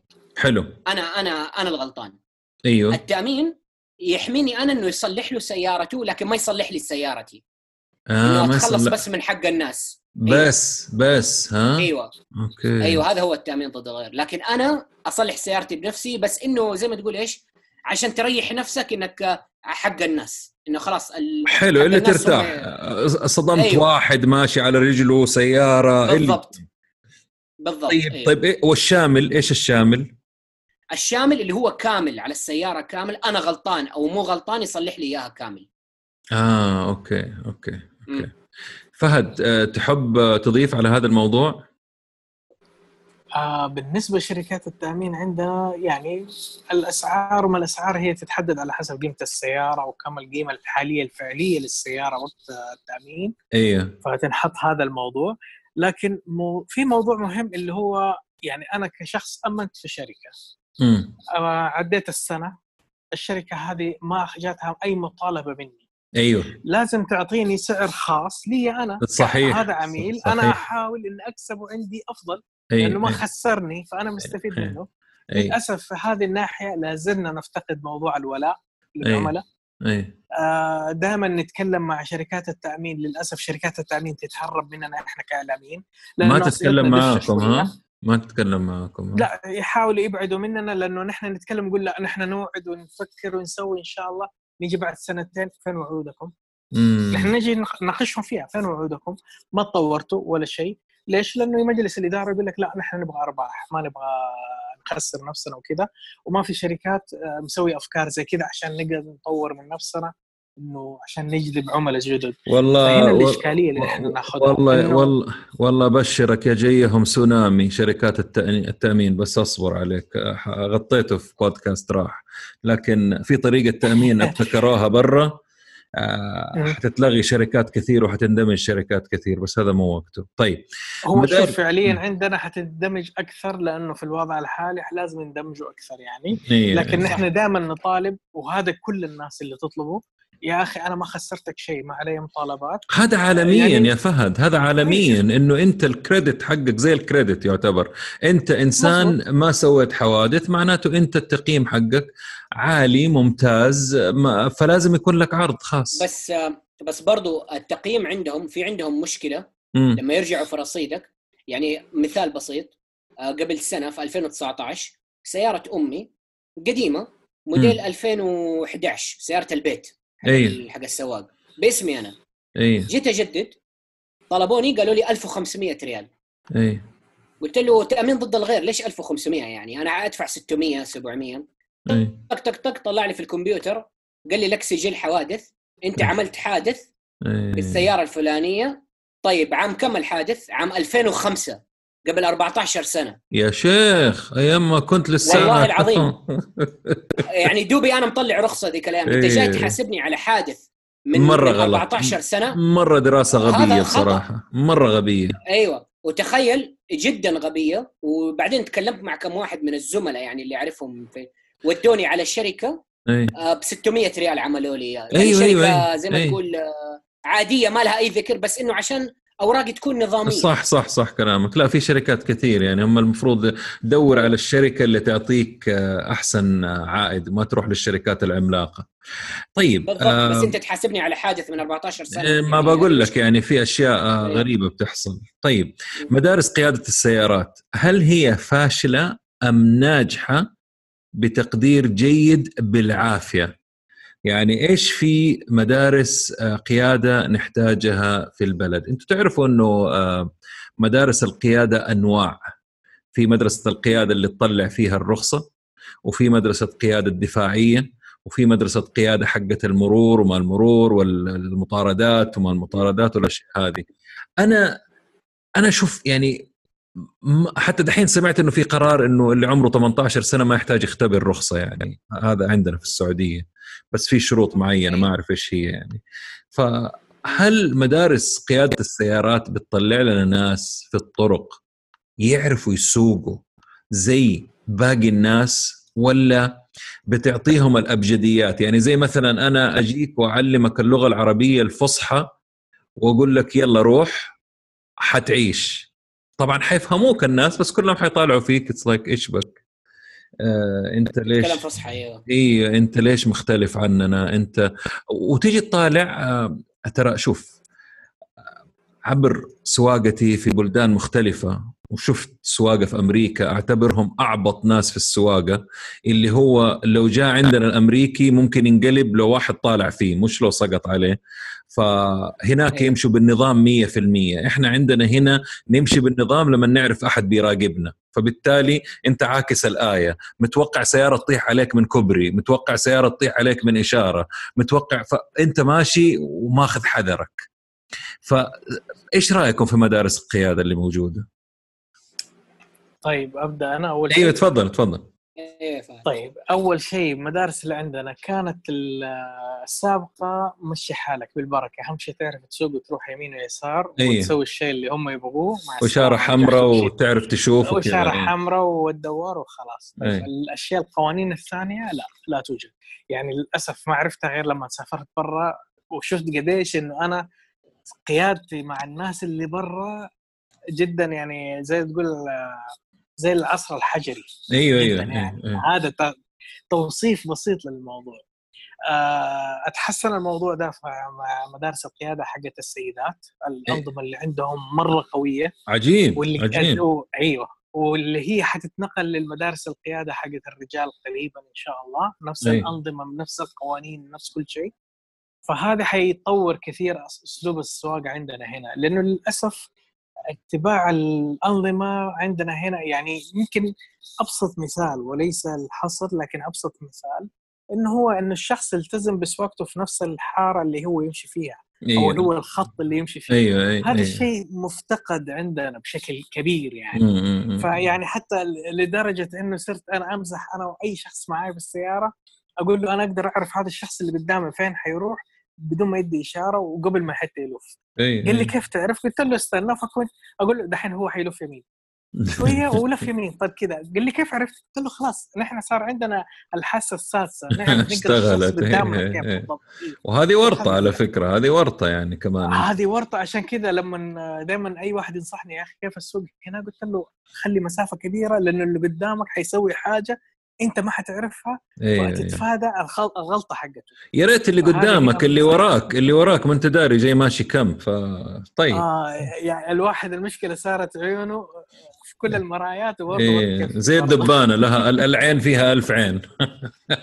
صحيح هذه. أبا... في تطور للمدارس لكن لا زالت المشكلة عندنا برضه هنا. حتى المدارس السيدات لا يعني للأسف بعض السيدات اشتكوا إنه المدرسات يشترطوا عليهم إنه يجيبوا مخدة معاهم. طب أنا واحدة طولي فوق ال 170 إيه. أوكي لو كنت 150 وأقل أقول لك أوكي أجيب مخدة إيه. معايا عشان أعرف أسوق.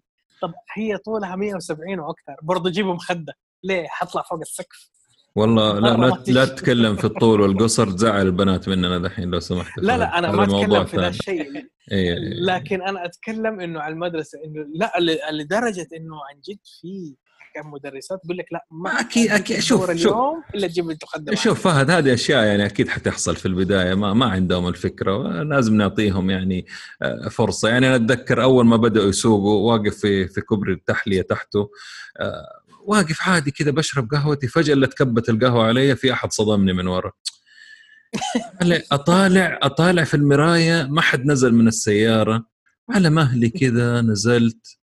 رحت للسيارة لقيت واحدة جالسة في السيارة بتضحك. أطالع فيها أقول لها صدمتيني وبتضحكي؟ يعني إيش فاهمة انت السواقة ترى؟ قالت لي والله آسف اللي ما أدري لي أسبوع تعلمت وما أدري قلت لها اي بس يعني ماني عارف تصدقي؟ أنتبهي بس على نفسك ورجعت سيارتي وكملت ولا كأنه شيء صار. فنديهم فرصة.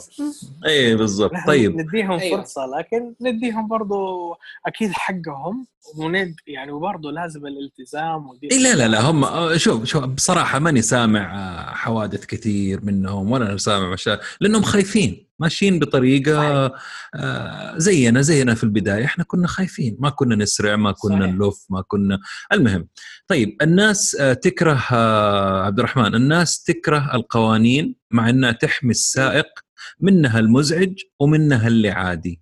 إيش في قانون تعتقد نحتاج نضيفه للقيادة؟ والله شوف اللي هو مو القانون هي العقوبات. آه حلو طيب. العقوبات. إلى الآن إحنا ما عندنا عقوبات النقاط اللي على الرخصة. مو قالوا حتشتغل ما أدري اشتغلت ولا لسه. إلى الآن ما في شيء لسه. آه يعني تيجي مثلا آه ارتكبت المخالفة ذي أسرعت كم مرة ما أدري. آه زي ما تقول نقاط على مخالف على رخصتك. أيوه أيوه. المره زودتها تنسحب منك بتاتا ما عاد تسوق. صح صح. في دبي شغالة ولا في أمريكا؟ في أمريكا شغالة. لا في, دبي آه، أيوه. في أمريكا شغالة وفي دبي برضو. في, أيوه. في الإمارات عامة عندهم النظام هذا موجود. اشتغلت. تقول لي يعني عندنا نظام اي تبغى نظام النقاط آه، عندنا بس إنه ممكن ها إنه مثلا حكاية آه، المخالفات الكبيرة. يعني مثلا تقطع إشارة. 3000 ريال أو 5000 ريال وتنسجن سنة. آه عفوا تنسجن يوم 24 ساعة. إيه. هذه ممكن إيوه. يعني ها إنه الناس بدأت تخاف شوية قطع الإشارة. أيوه أيوه آه السرعه داخل المدينة لو سرعت في شارع داخل المدينة 1200 ريال. امم كم؟ لكن برضو يحتاج 1200 ريال. آه أيوه أيوه داخل المدينة لو اسرعت في شارع داخل المدينة بسرعة جنونية. هذه أوكي بس برضو تحتاج عقوبات أكبر.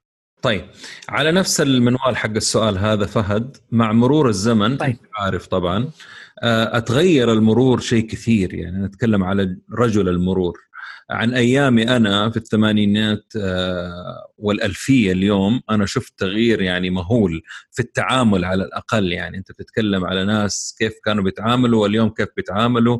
بطريقة حرفية بيتعاملوا معنا بطريقة احترام بطريقة سؤال وجواب. آه، يعني أنا منبهر بصراحة. بسبب طبعا في زيادة وعي وثقافة المسؤولين في نفس الإدارة. والناس اللي بيديروا المرور نفسهم لما تجلس معاهم تنبهر للأفكار اللي عندهم وطريقة تعاملهم مع الجنود نفسهم. عندكم صحيح. فكرة لو واحد عنده اعتراض على مخالفة بدل ما يجلس يحاول الله يخليك لو سمحت تكفى ما أدري إيش طلبتك ما أدري مين آه ألغي المخالفة إيش إيش الطريقة الآلية فهد حقت هل هل مفعلة هذه ولا لسه؟ لا حاليا آه ما في أي أحد من المرور يقدر يلغي أي مخالفة وهذا أيه. الشيء واضح بالنسبة لي لأنه بحكم سكن بجنب إدارة المرور فحتى اللي المخالفه اللي ذكرها عبد الرحمن اللي هي قطع الإشارة إنه توقيف 24 ساعة أيه. هذه مفعلة إلى الآن بس يمكن موقفين الحين عشان كورونا أيوه أيوه أيوه, أيوة. آه هي موجودة في سجلك لازم تتوقف 24 ساعة لازم أيوة. تجي ولا ما أيوة. تنشال منك طيب فهذه الأشياء يقول لك لو مين؟ ما أقدر انزل لا صح الكلام هذا. أنا عمرك كبير أنا أنا هذا ما كبير في السن ما, ما أتكلم عن الموضوع يعني هذا فهد. أنا أتكلم هل في محكمة مرورية ولا لسه؟ لا لسه حاليا ما في لكن نحن في الإجراءات نتجه للموضوع ده وهو الأفضل عشان نضمن حقوق الناس. بس أبغى أوضح نقطة ليش المخالفات أو ليش ساهر بالأساس كان مهم وجوده في تلك اللحظة. أديك الموضوع هذا لأنه نشرته عندي في 2015 في شهر مارس 2015 الخبر. حوادث المرور اللي في السعودية عام 2014 وحط خطين هنا على 2014 فقط لحالها. تمام؟ عدد الحوادث المسجلة رسميا في إدارة المرور في المملكة 920 ألف حادث. يا ساتر! هذا رقم رسمي من إدارة المرور أنا آخذه ونشرته ما جبت شيء من عندي. أيوه ومع ساهر؟ أصدرت لا كان لسه ساهر ما في الموضوع ده. فعشان نعرف المشكلة حجم المشكلة اللي يقول لك يا أخي ساهر دولة جباية فلوس هذه الأشياء. لا كان لازم ينفذوا زي كذا وأقوى من كذا. 920 ألف حادث. طيب هذا الرسمي الموثق. طب في حوادث السير واللي يقول واحد يقول لك روح صلح سيارته خلاص مع السلامة. أيوه أيوه فانت أيوة. تتكلم على 920 ألف حادث رسمي. مم. نسبة الوفيات وصلنا ل 8600 آه، وفاة. لا لا واضح الموضوع هذا. معروف فائدة ساهر يا فهد. أيوة. ما أيوه بس عشان الأرقام لأنه في ناس يقول لك لا يا أخي أنتم مبالغين في الأرقام. تعرف طيب أنا 8600 شخص توفوا. عندك عدد الإصابات اللي تسببت لاعاقه فوق 26000 لا حول ولا قوه الا بالله في سنة واحدة فقط 2014 فاللي يقول لي والله ليش كان الكاميرات ودي الاشياء لازم. أنت عندك مصيبة. في عندك ناس ما يعني إلى الآن إلى الآن إحنا نتعاني في ناس يقول لك يا أخي إذا أنا ما مشيت وصفيت الطابلون 240 ما أرتاح. أي إلى أي الآن إحنا نتكلم في 2020 طب أنا أقول له طيب ليش؟ يعني حتى في واحد من الأشخاص يقول لي لما أنت تجرب سيارة يا أخي وين ما صفيت الطابلون ولا شيء ولا هذا؟ أقول له حبيبي السرعة عندنا 120 تبغى أنا أوصل لك كم؟ لأنه أنا عن جد يعني آه، كان في نقطة آه، نقاش في سيارة إنه عداد السرعة فيها عشان إلكتروني على الشاشة محطوط من صفر ل 120 في في الوضعية الاقتصادية. فقاعد أقول اللي يقول 120 ترى يا جماعة الخير هو مو 120 هي أكثر من كذا. السيارة توصل 190 لكن أنت أصلا ما حتقدر تسوق أكثر 120 داخل الش... داخل المدينة وداخل الشوارع الطريق الطرق الرئيسية. فأنا إيش أحتاج إن الرقم يكون أكبر من كذا طيب. هذه هي. في ناس ما يفهم على ذا الموضوع إلا كذا الله يعين الله يعين. لا لا هو موضوع شائك جدا يعني. طيب لكن آه الحمد لله رجال المرور صاروا دحين متعاونين جدا. آه معانا إحنا كإعلام مرة منفتحين. حتى إنه لا حتى مع الناس. بغض النظر الإعلام يعني الإعلام دائما بيكونوا معاهم كويسين في توجه الدولة يعني. لكن حتى مع الناس صحيح. تعاملهم رائع جدا. طيب هل يزعلوا بدكم الشركات لما آه، تتكلموا بطريقة صريحة عن سياراتهم عبد الرحمن؟ والله يعني من آه، إذا من ناحية سلبية آه، في في ممكن بعض الشركات إنها تترك ملاحظة في بعضها لا.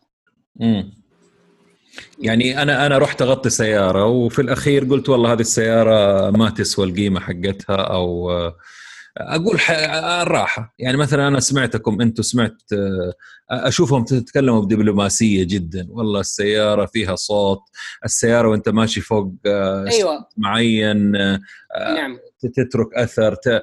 هذه الأشياء ما يزعلوا منها لا شوف أنا عملنا ك... ك... كإعلاميين كصحفيين. سيارات لازم أصلا تتكلم بدبلوماسية. يعني أصلا حتى ما هي حلوة إنك أنت يعني أنا أنا أنا أنا لما كنت أشتغل مثلا في بي ام دبليو أو مرسيدس أوكي؟ أي. كنا ذيك الأيام نتدرب في التسويق يعني في في المبيعات كان عندنا تدريب. أيوه مثلا أنت الآن تبغى تبيع بي ام دبليو وجاك واحد عميل قال لك يا أخي أنا ما أبغى بي ام دبليو أبغى لكسس أي. طيب أوكي مثلا لكسس ما, ما تجي تقنيتها زي البي ام دبليو اي أكبر غلط إنك تيجي تقول تقول للعميل تقول له لا يا شيخ والله لكسس ما تسوى أكبر غلط إنك يعني تتكلم عن أكيد أكيد أكيد. عن المنافس طبعا. إيه، أيوه. أيوه. قول إنه مثلا المنتج كويس والهذا لكن ملاحظتنا عليه كذا كذا كذا. أو الاختلاف هو كذا كذا كذا.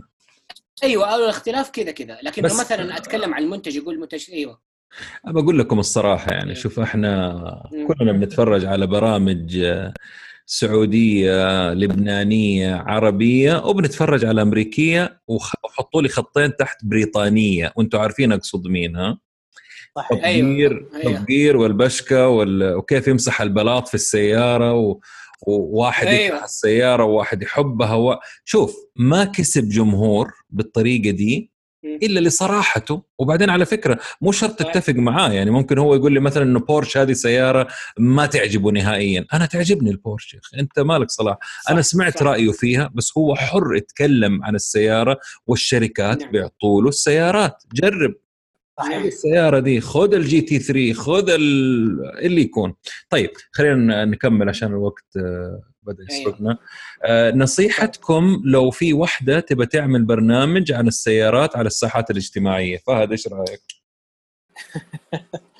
أول شيء لازم تكون عندها خلفية جيدة في السيارة اللي حتتكلم فيها. سيارات سيارات سيارات. هي بتعمل برنامج عن سيارات يعني. أوكي مو مشكلة بس لازم يكون عندها خلفية فيها. مو إنه إيه؟ تتكلم إنه تعالوا شوف السيارة هذه فيها مثلا نقول شاشة فيها أربع كاميرات هذا شيء جديد على السيارات طب هذا الشيء موجود من سنين أيوه مو شيء مختلف. لكن أنا أتكلم إيش الشيء الجديد اللي مختلف عن البقية. وهذا الشيء اللي دحين يعني في كثير انتقدوني فيه سواء على اليوتيوب أو أيه. تويتر أو أي حاجة لما أتكلم عن السيارات واللي موجود موضوع الدبلوماسية اللي حنتكلم فيها. شركات أيه. السيارات يحبوا إنك تنتقد بس أنتقد انتقاد بناء يعني للتحسين. لكن لا تنتقد وتذم المنتج كذا. أيه. وهذه هي الاختلافية اللي بيننا وبين نعم. كثير. في بعضهم امدح بس أهم شيء أمدح وأمجد للشركة أمجد للشركة. لا في بعضهم يقول لك أديني إيش عيوبي؟ أحبك أكثر. وهذا الشيء المهم يعني اللي حاليا قاعدين نشوفه. فهذه أهم حاجة أعطينا الانتقاد. هي كمان لازم تعرف إيش الشيء المناسب لها. يمكن في شيء آه، ممكن مزعج لي لكن لغيري مو مزعج. ممكن. يعني مثلا نتكلم على انتقاد في يعني ممكن نقول إحنا كنا ننتقد تويوتا على تصاميمها إنها قديمة ما فيها أي تطوير ما في أي حداثة. طيب. لكن في نقطة مهمة عند تويوتا يمكن كثير من الشركات ما هي عندهم اللي هي إنه 80% من سيارات تويوتا اللي تنباع من الآن وقبل 20 سنة إلى إلى الآن شغالة. يعني إلى الآن عايشة بتمشي في الشوارع. فهذه النسبة 80% ترى ما في شركة سيارات عندهم هذا الشيء. فيقول لك ليش أنتم تقولوا تويوتا ممتازة؟ أنا أنظر للرقم هذا لأن في واحد يقول لي أخي أنا أبغى سيارة تعيش معي 10 سنين أقل حاجة. مم. فلازم أنصحه بسيارة أنا أضمن له إياها إنها حتكون حيكون محافظ عليها. تتوفر قطع غيارها لفترة طويلة. سياسة الشركة تدعمه في موضوع القطع في موضوع الصيانة ما تعطل عليه كثير. إيوه لازم أحط له خياراته. شوف فهد انت أنت فنان برضك دبلوماسي معايا بس مشكلتك معايا إنه أنا صعب الدبلوماسية معايا لسبب مرة واحدة أنا سألتك هل ينفع واحدة تسوي برنامج عن السيارات؟ دخلتني في تويوتا وعشر سنين وما أدري إيش. ينفع ولا لا؟ ما يجاوبني برضه ينفع بس هل هي عندها العقلية عندها عندها عقلية وعندها كل شيء. ليش ما تبغى بنات ينافسوكم؟ ليش؟ لا لا ما ما أبغى لكن يعني لسه انتقادي كان في قبل كم يوم على واحدة عامله السياره سيارة فخمة جدا ورياضية. شفتها شفتها اللامبورجيني شفتها. خلاص أوكي. ما هذه ما يا عمي أسمع أسمع بقول لك حاجة. مو شرط إنه واحدة طلعت وعملت وشفت ال... شفت الإعلان وما لنا صلاح فيها خليها. لكن طيب أنا أشوف إنه والله في مجال إنه البنات يعملوا برامج عن السيارات لأنه في سوق مرة كبير وبعدين نظرتهم مختلفة. هذه هذه يجيبني النقطة اللي زمان يعني اللي زمان كانوا أول ما بدأوا يسوقوا وبعدين لحقوا نفسهم بسرعة شركات السيارات إنهم ينزلوا سيارة بينك وسيارة لونها موف وسيارة لونها مدري إيش أحمر. البنات يحبوا مين قال لك البنات؟ البنات يحبوا الأسود يحبوا الرصاصي ويحبوا السيارات أيوة الفخمة. إيوه بس ما ما تيجي وتقول لي إنه البنات يحبوا بينك ولا البنات يحبوا لا لا. الدلع الأشياء لا مو مو مش صحيح ابدا ابدا. هذول معناته ما هم دارسين السوق نهائيا. صحيح ف... هذا الشيء. لكن ف... أنا أقول لك عادي أنا أخلي البنات يصيروا آه، يسووا تقارير عن السيارات وهذا الشيء ممتاز جدا. إيه؟ الله يوفقهم يكملوا وأنا أنصحهم إنهم خلاص سمعتوا؟ أي واحدة أي واحدة تبغى تتعلم تسوي برنامج تكلم فهد. طيب السؤال اللي بعد كذا. أول واحد حيبطل يرد. على أحد. ليش كل برامجنا حقت السيارات أنا آسف اخواني اللبنانيين أنا حتكلم بصراحة أنتم حبايبي. لكن ليش أوكي. كل برامجنا حقت السيارات لبنانية أو فيها عرق لبناني وإذا فيها سعودي فيها لبنانية أكثر؟ ليش ما في برنامج سعودي 100% يعني ما هو شيء آه يعني أهل لبنان حبايبي على فكرة و... وتخيل الجمهور اللبناني صعب يتخيل أو يتقبل سعودي جالس يتكلم عندهم في برنامج يبث في لبنان. متخيلين بالله اثنين شباب من جدة قاعدين يعلموهم عن سياراتهم. آه كل اللي بيتفرجوا لبنانيين. ولا في مصر تجيب لي واحد من الرياض وواحد من جدة وواحد مصري. بيتكلموا للسوق المصري. يعني آه ما ينفع. فين المنطق اللي, اللي حاصل؟ هل هي تنازلات عشان نظهر في الشاشة؟ ولا في مشكلة عندنا إحنا؟ فعلا. لا المشكلة يمكن انه الشركات دول أغلبهم اللي بيدير القناة وأنت تتكلم على القنوات التلفزيونية. أيوة. الاداره كلها شركات لبنانية فعشان كذا هذا الشيء. وللاسف في محاولات حاولوا يدخلوا شباب لكن أي. ما حاولوا يشجعوهم ويكملوا. أي. فغيروهم لجهات أخرى. آه. قول يا عبد الرحمن قول إيش إيش تقول؟ عبد الرحمن كمان آه يضيف. هو شوف أيوه مثل ما قال أخوي فهد بس برضو كمان في شيء ثاني. إحنا السعوديين دخلنا في الإعلام ترى متأخر حلو عادي أيوه يعني عارف. يعني أيوه فزي ما تقول يعني أنا أنا ما أتكلم على جنسية معينة لكن مثلا إنه مثلا هم من 30 40 سنة متوغلين يعني لهم جذور يا أبوي والله يعني عارف وأنت غصبا عنك تقول أيوة. كذا كمان عشان سبور أوتو أيوة. طيب أنا عارف الشيء ده طيب يعني مثلا عبد الرحمن لا لا يعني ما أيوه شوف أنا فاهم ولا قللت فيهم على فكرة في كلامي لاحظ لا لا لا, لا هي لا لا ما في تقليل إيه؟ بس أنا بقول لك إنه يعني مثلا إحنا مجلة سعودي أوتو من تمام. عام 91 حلو مم. مجلة سبور أوتو اللبنانية أيوه. حق جيرار سونار من عام طيب. 72 طيب. يعني قبلنا ب 19 سنة. تمام. صحيح. كلها متابعة من بدايتها على فكرة. أوكي. بالضبط أيوه. فبالبداية أنا مثلا دوبي طلعت مجلة الآن وابغى أدخل على ناس لهم تقريبا 20 30 سنة أكل يعني في الساحة كلها بغض أيوه. النظر عن أي جنسية أيوه. شيء طبيعي إنه حيكون في إيه حيكون ما أقول لك إن إحنا السعوديين ما نوصل أيوه. نوصل لكن حنوصل متأخرين شوية طيب صحيح منافسة مختلفه أنا أنا أنا أنا أختلف أيوه. معاك أنا اختلف أشوف أشوف أوكي. فاهم فاهم نقطتك أيوه. وفاهم حتة الخبرة ولكن نعم. أنا جلست مع شباب أيوه. يفهموا في السيارات أكثر من الإنجليز والأمريكان نفسهم أوكي؟ وعلى نعم، جميع. الأعمار. أيوه. أنا بتكلم على جميع الأعمار. ومن ضمنهم ناس سووا أيوه. مضمار سباق هنا في السعودية. و أوكي. ما ما شوف يعني هذول هذول جزء بسيط. إحنا لازم يكون عندنا أي حاجة نبغى بت بتخاطب الشارع المصري يكونوا مصريين. السعودي سعوديين. اللبناني لبنانيين. وإذا في واحد هو... مثلا نجم عالمي عادي يكون هو زي مثلا البريطاني راح في أمريكا حقون توب جير الآن مع امازون يشتغلوا في أمريكا. أيوه. عادي عادي جدا. هذا هذا انسان هذا إنسان خبير. أنت تيجي في الدعم. إي أجي في دول عشان يطلعوا لازم لهم دعم. مين يبغى يدعمهم؟ موجودين. بس أنا ماني شايف معليش أنا هي نقطتين. إيه. نقطة على القنوات الفضائية والتلفزيون وإلى آخره ونقطة على الشباب نفسهم.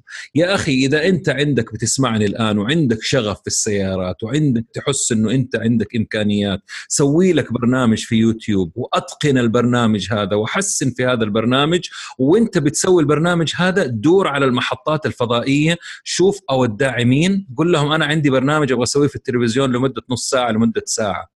أكيد حيلاقي ما ما أصلا أصلا ما يحتاج إنه يدور. أي. هو لو عمل محتوى أي. جيد هم حيجروا وراه. أيوه محتوى هم حيجروا وراه.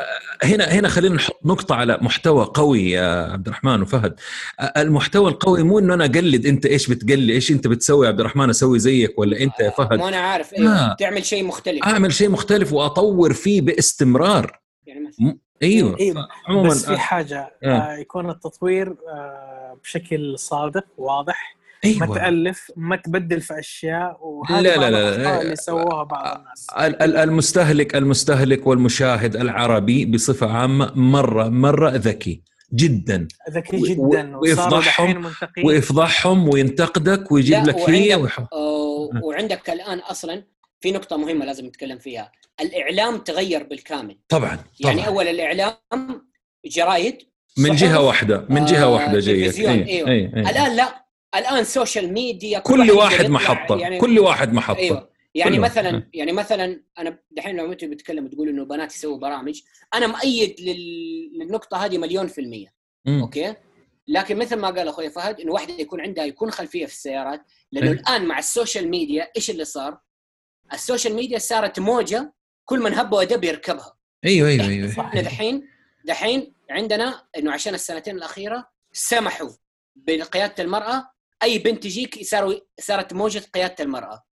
انتهت قيادة المرأة حتطلع لنا موجة جديدة وكل واحد يركب. هنا هنا شوف. شوف شوف حبيبي عبد الرحمن اللي بيحصل إنه أي موجة كثير يدخلوها زي ريادة الأعمال زي غيره وغيره بالضبط أوكي؟ أيوه. في الأخير ما يصح إلا الصحيح وما يبقى إلا الأقوياء وما يستمر إلا الإنسان اللي كان فعلا صادق مع مع عملائه أو المستفيدين أو المتابعين. خلينا ننتقل. الموضوع أنا عارف إنه كان حيطول يا ريتني ما سألت السؤال. طيب. لا. مهم نقطة مهمة ترى كانت. إي إي. كانت مرة مهمة ليش ما عندنا مضمار سباق في جدة وتفحيط؟ ركز لي على تفحيط ها؟ آه سؤال آه شو طيب. لاي واحد فيكم جاوبوا الاثنين. آه، تفضل أبدأ. إيه.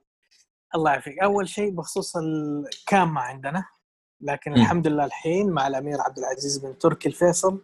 أيوة. هذا واحد من من وسط المجال. أيوه عارفه عارفه عارف هو كويس. وزير الرياضة أيوة. لكن هو وسط المجال. حتى إنه قبل ما يدخل وزارة الرياضة هو Formula driver بينه وبينه. هو Formula driver لا أصلا. هو مو فورميلا لا مو فورميلا هو السباقات ال 24 ساعة ولا 12 ساعة. لا زال التحمل أيوه سباقات التحمل. ولا زال والأمير سعود أخوه لا زال في هذا المجال.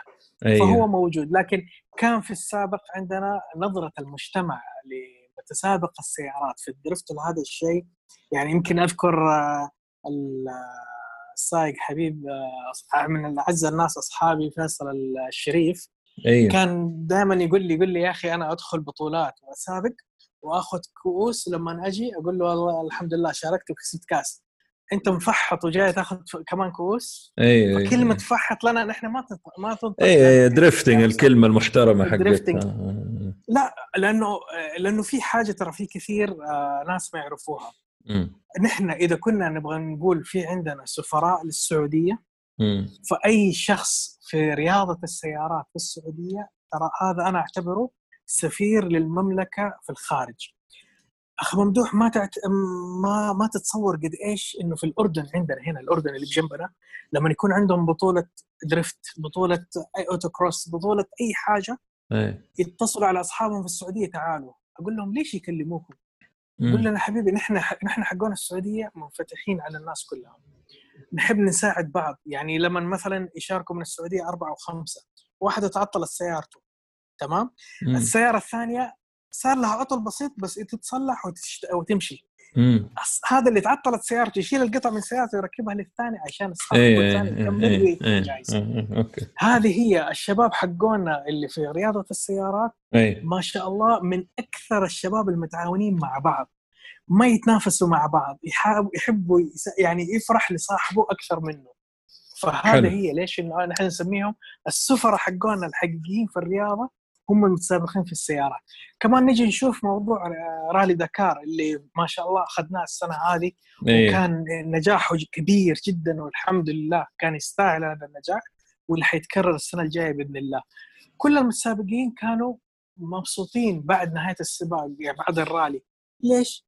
قال أول شيء حصلنا من بلدكم الترحيب حصلنا الدعم حصلنا أيوه branding يعني قوي branding branding كويس للسعوديه إيه. ممتاز غير كذا إن هم يروحوا يلاقوا الناس حياك تفضل يعني ما هو مو ما يعرف لغتك ولا إيه. لهجتك ولا شيء إيه. بس يحب يساعدك يحب يقول لك يسوي اللي تبغاه بس تعال فكانوا مبسوطين الاجانب بعكس اللي كان يصير في أفريقيا بعكس اللي كان يصير في أمريكا الجنوبية لأنه في أمريكا الجنوبية بعض المتسابقين اتصيبوا بالرصاص. يعني هذا الشيء اللي ما في حد كثير يعرفه.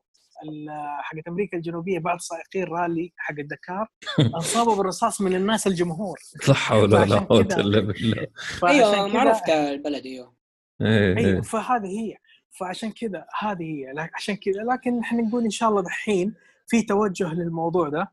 عشان كذا حيوفروا إن شاء الله بطولات ال autocross ال drifting دي الأشياء. وفي المقابل حيصير في قوانين ضد اللي يمارس هذه الأشياء في الشوارع في الشوارع street race أيوه لازم اي لأنه هذا غلط جدا لأنه أكيد. بيعرض ناس وبيموتوا ناس كثير فيها أكيد. وهذا الشيء أكيد. اللي نبغى نمسح إن شاء الله إن شاء الله. طيب آه ننتقل لسؤال مختلف تماما. خليني أفترض إني أنا اشتريت سيارة بي ام دبليو من الوكالة. كم اغلى واحدة دحين عبد الرحمن تقريبا؟ ب 400 هو 400. هو أكثر واحدة ال 700 مثلا 700 لا ال 700 توصل مثلا اللي زي ال أعلى فئة أعلى فئة أبغى. سلندر. اي أيوه يعني حدود تقريبا 650 600 650 ألف ريال اشتريت سيارة بي إم دبليو. وبعد شهر صار لي ظرف قررت إني أبيعها. كم راح أخسر؟ أيوه. والله حتخسر كثير. قديش يعني بالنسبة للفئة هذه. مش على ال brand على السيارة. أيوه. يعني ممكن تقريبا في الأوضاع إحنا اللي حالية أكثر من 50% ينزل من السعر يا شيخ. لأنها أنا أقول لك ليش. السيارة 12 سلندر مم. المحرك غير مرغوب. أيوه. حتى من زمان يعني من قبل الأزمات أيوه أيوه صح البلد صح. وضعها كويس. صح صح. 12 سلندر غير مرغوب. أصلا مو بس عشان البنزين مم. عشان تكلفة الصيانة فيه والخرابات وزي كذا وهذا. أيوه أيوه. يعني يعني أنتبه لما أشتري آه، سيارة من الأشياء الغالية لأنه في ناس كثير يعني على فكرة آه، عندك عندك عقليتين في الشراء عقلية اللي يقول لك أنا ما أركب إلا جديد ومن حقه أيوه. إذا عنده الإمكانيات وفي عقلية يقول لك أنا لا يمكن أشتري جديد في هذا السوق لأنه أنا أصلا خسارتي حتكون كثيرة وتوفيري حيكون مرة كبير لو اشتريت مستعمل نظيف يعني نعم. عارفين الناس اللي يسوقوا السيارة شهرين ثلاثة أربعة وخلاص يبيعها وبخسارة 100 200 300 زي ما تفضلت أنت 50% فليش أنا أدفع 600 حلو طيب. آه هو أنا مثلا أقدر أخذ آه، مثلا الفئة السابعة امم 760 12 سلندر. ممكن أخذ 730 نفس ال body ستة ولا أربعة؟ المح... أربعة سلندر لكن طبعا التجهيزات تختلف أقل. أيوه تماما. لكن ال body القياسات واحدة. إحنا مشكلتنا شوف ما في مش ما هي عادي لو المشتري فاهم إيش بيشتري. يعني اللي داخل مثلا أيوه. أبغى 12 سلندر لأنه أبغى التجهيزات هذه أبغى القوة هذه. في فرق بينه وبين العميل اللي يقول لك أبغى full كامل. بس كذا أبغى full كامل. كمل full كامل. نعم. مع إنه full وكامل هم ترجموا لبعض. full كامل. okay؟ هذه أيوه. كلمة يعني بس طيب خلينا ننقل على سؤال ثاني بسرعة. سؤال لكم الاثنين. في حاجة بذكرها. آه. في حاجة بذكرها على ال full كامل يعني عشان الأسئلة كثير عليها. دائما أقول له لاي واحد يبغى يشتري سيارة أقول له دور الفئة اللي أنت حتستفيد وتستخدمها يعني مثلا آه في كثير آه، اصادف إنه معاه سيارة فل كامل طيب. عنده النقاط العمياء والرادار وهذه الأشياء. مقفل الأنظمة دي كلها. أقول له مقفلها ليش؟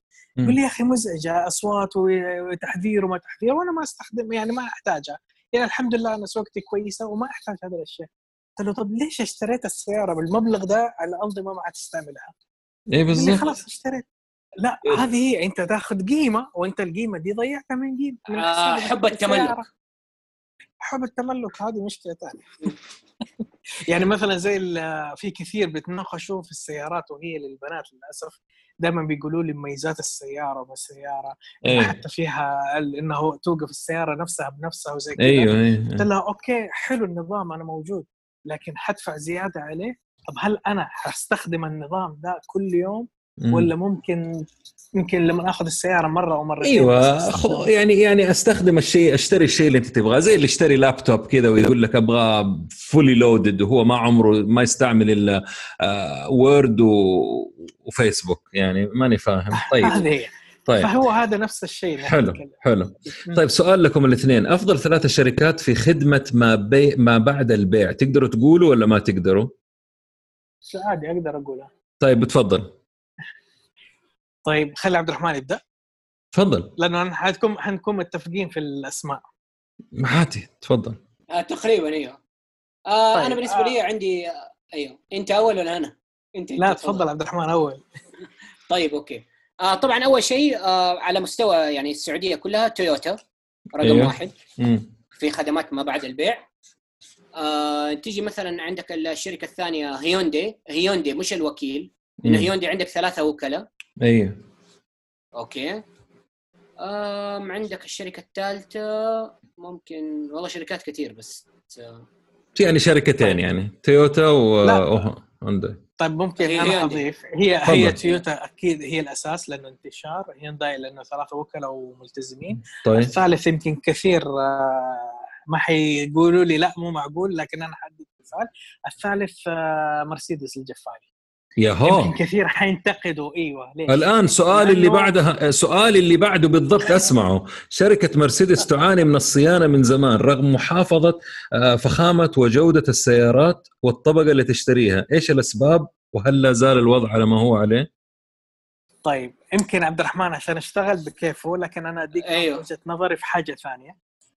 مرسيدس بي إم أو دي كلهم الثلاثة كويسين. لكن أنا اللي خلاني أركز الموضوع مرسيدس لأنه في أحد الأشخاص كان يمتلك آه يمتلك بورشا يمتلك آه مرسيدس وامتلك بنتلي.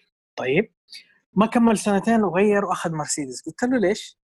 قال لي الخدمة اللي أخذها في مرسيدس مو زي اللي في بنتلي. هذا في اول مو حاليا. يعني أيوه أيوه قبل طيب. أربع أو خمس سنوات. okay قلت له مو معقول يعني بنتلي ما حتعطيك خدمة أحسن من مرسيدس؟ قال لي لا. مرسيدس لا زالوا أفضل في الخدمة لي أنا شخصيا أو لأي أحد إنهم يحترموني أنا كعميل. يعني آخذ لا لا لا دقيقة دقيقة دقيقة معلش معلش حقاطعك في دي أنا آسف. هذه طيب خدمة شخصية يا فهد. لا لا لا حتى هو قال لي أي شخص يقدر يتصل يحدد موعد ويجي ياخذ يدخل بالموعد حقته على طول مباشرة بدون أي نقاش معه. أهلا وسهلا حياك تفضل هذه السيارة خلاص أوكي. كم مركز صيانة عندهم؟ نحن سنة. هو دحين عندهم واحد هنا في جدة وحيكون في واحد في شمال جدة بس شغالين عليه لسه هل هل هل يعقل مرسيدس بنز في كل السنين هذه ما عنده إلا مركز واحد في في مدينة بكبر جدة؟ في الرياض كم في؟ آه، أتوقع اثنين في الرياض. تتوقع ولا في؟ لا أتوقع إنه في اثنين. طيب أوكي ماشي. أنا عندهم فرعين ما ترى ترى أنا أنا مرة أعشق السيارة هذه ولكن ألومها على أيوه. خدمتها آه، من سنين سمعتها فوق ال 30 سنة سمعه الصيانة عندها فيها محسوبية فيها أنا أتحاسب على الكلام هذا لكن شوف شوف يا فهد أبى أقول لك حاجة. عشان تحسن خدمة لازم سنين وسنين خدمة تراكمية ممتازة عشان ترسخ في بال الإنسان okay؟ اخويا كان لسه دوبه ولسه الآن باع سيارته آه، مرسيدس. أخذها جديدة من عندهم سنتين أظن قعدت معاه وباع يمدحهم okay؟ يمدحهم. أنا أعرف اخويا اخويا اجتماعي اخويا يعرفهم يتواصل معاهم. فدائما أقول هي مسألة شخصية. أنا أتكلم على إنه أنا إنسان ما أعرف ولا أحد. عندي سيارة اشتريتها منهم أو من أي جهة ثانية.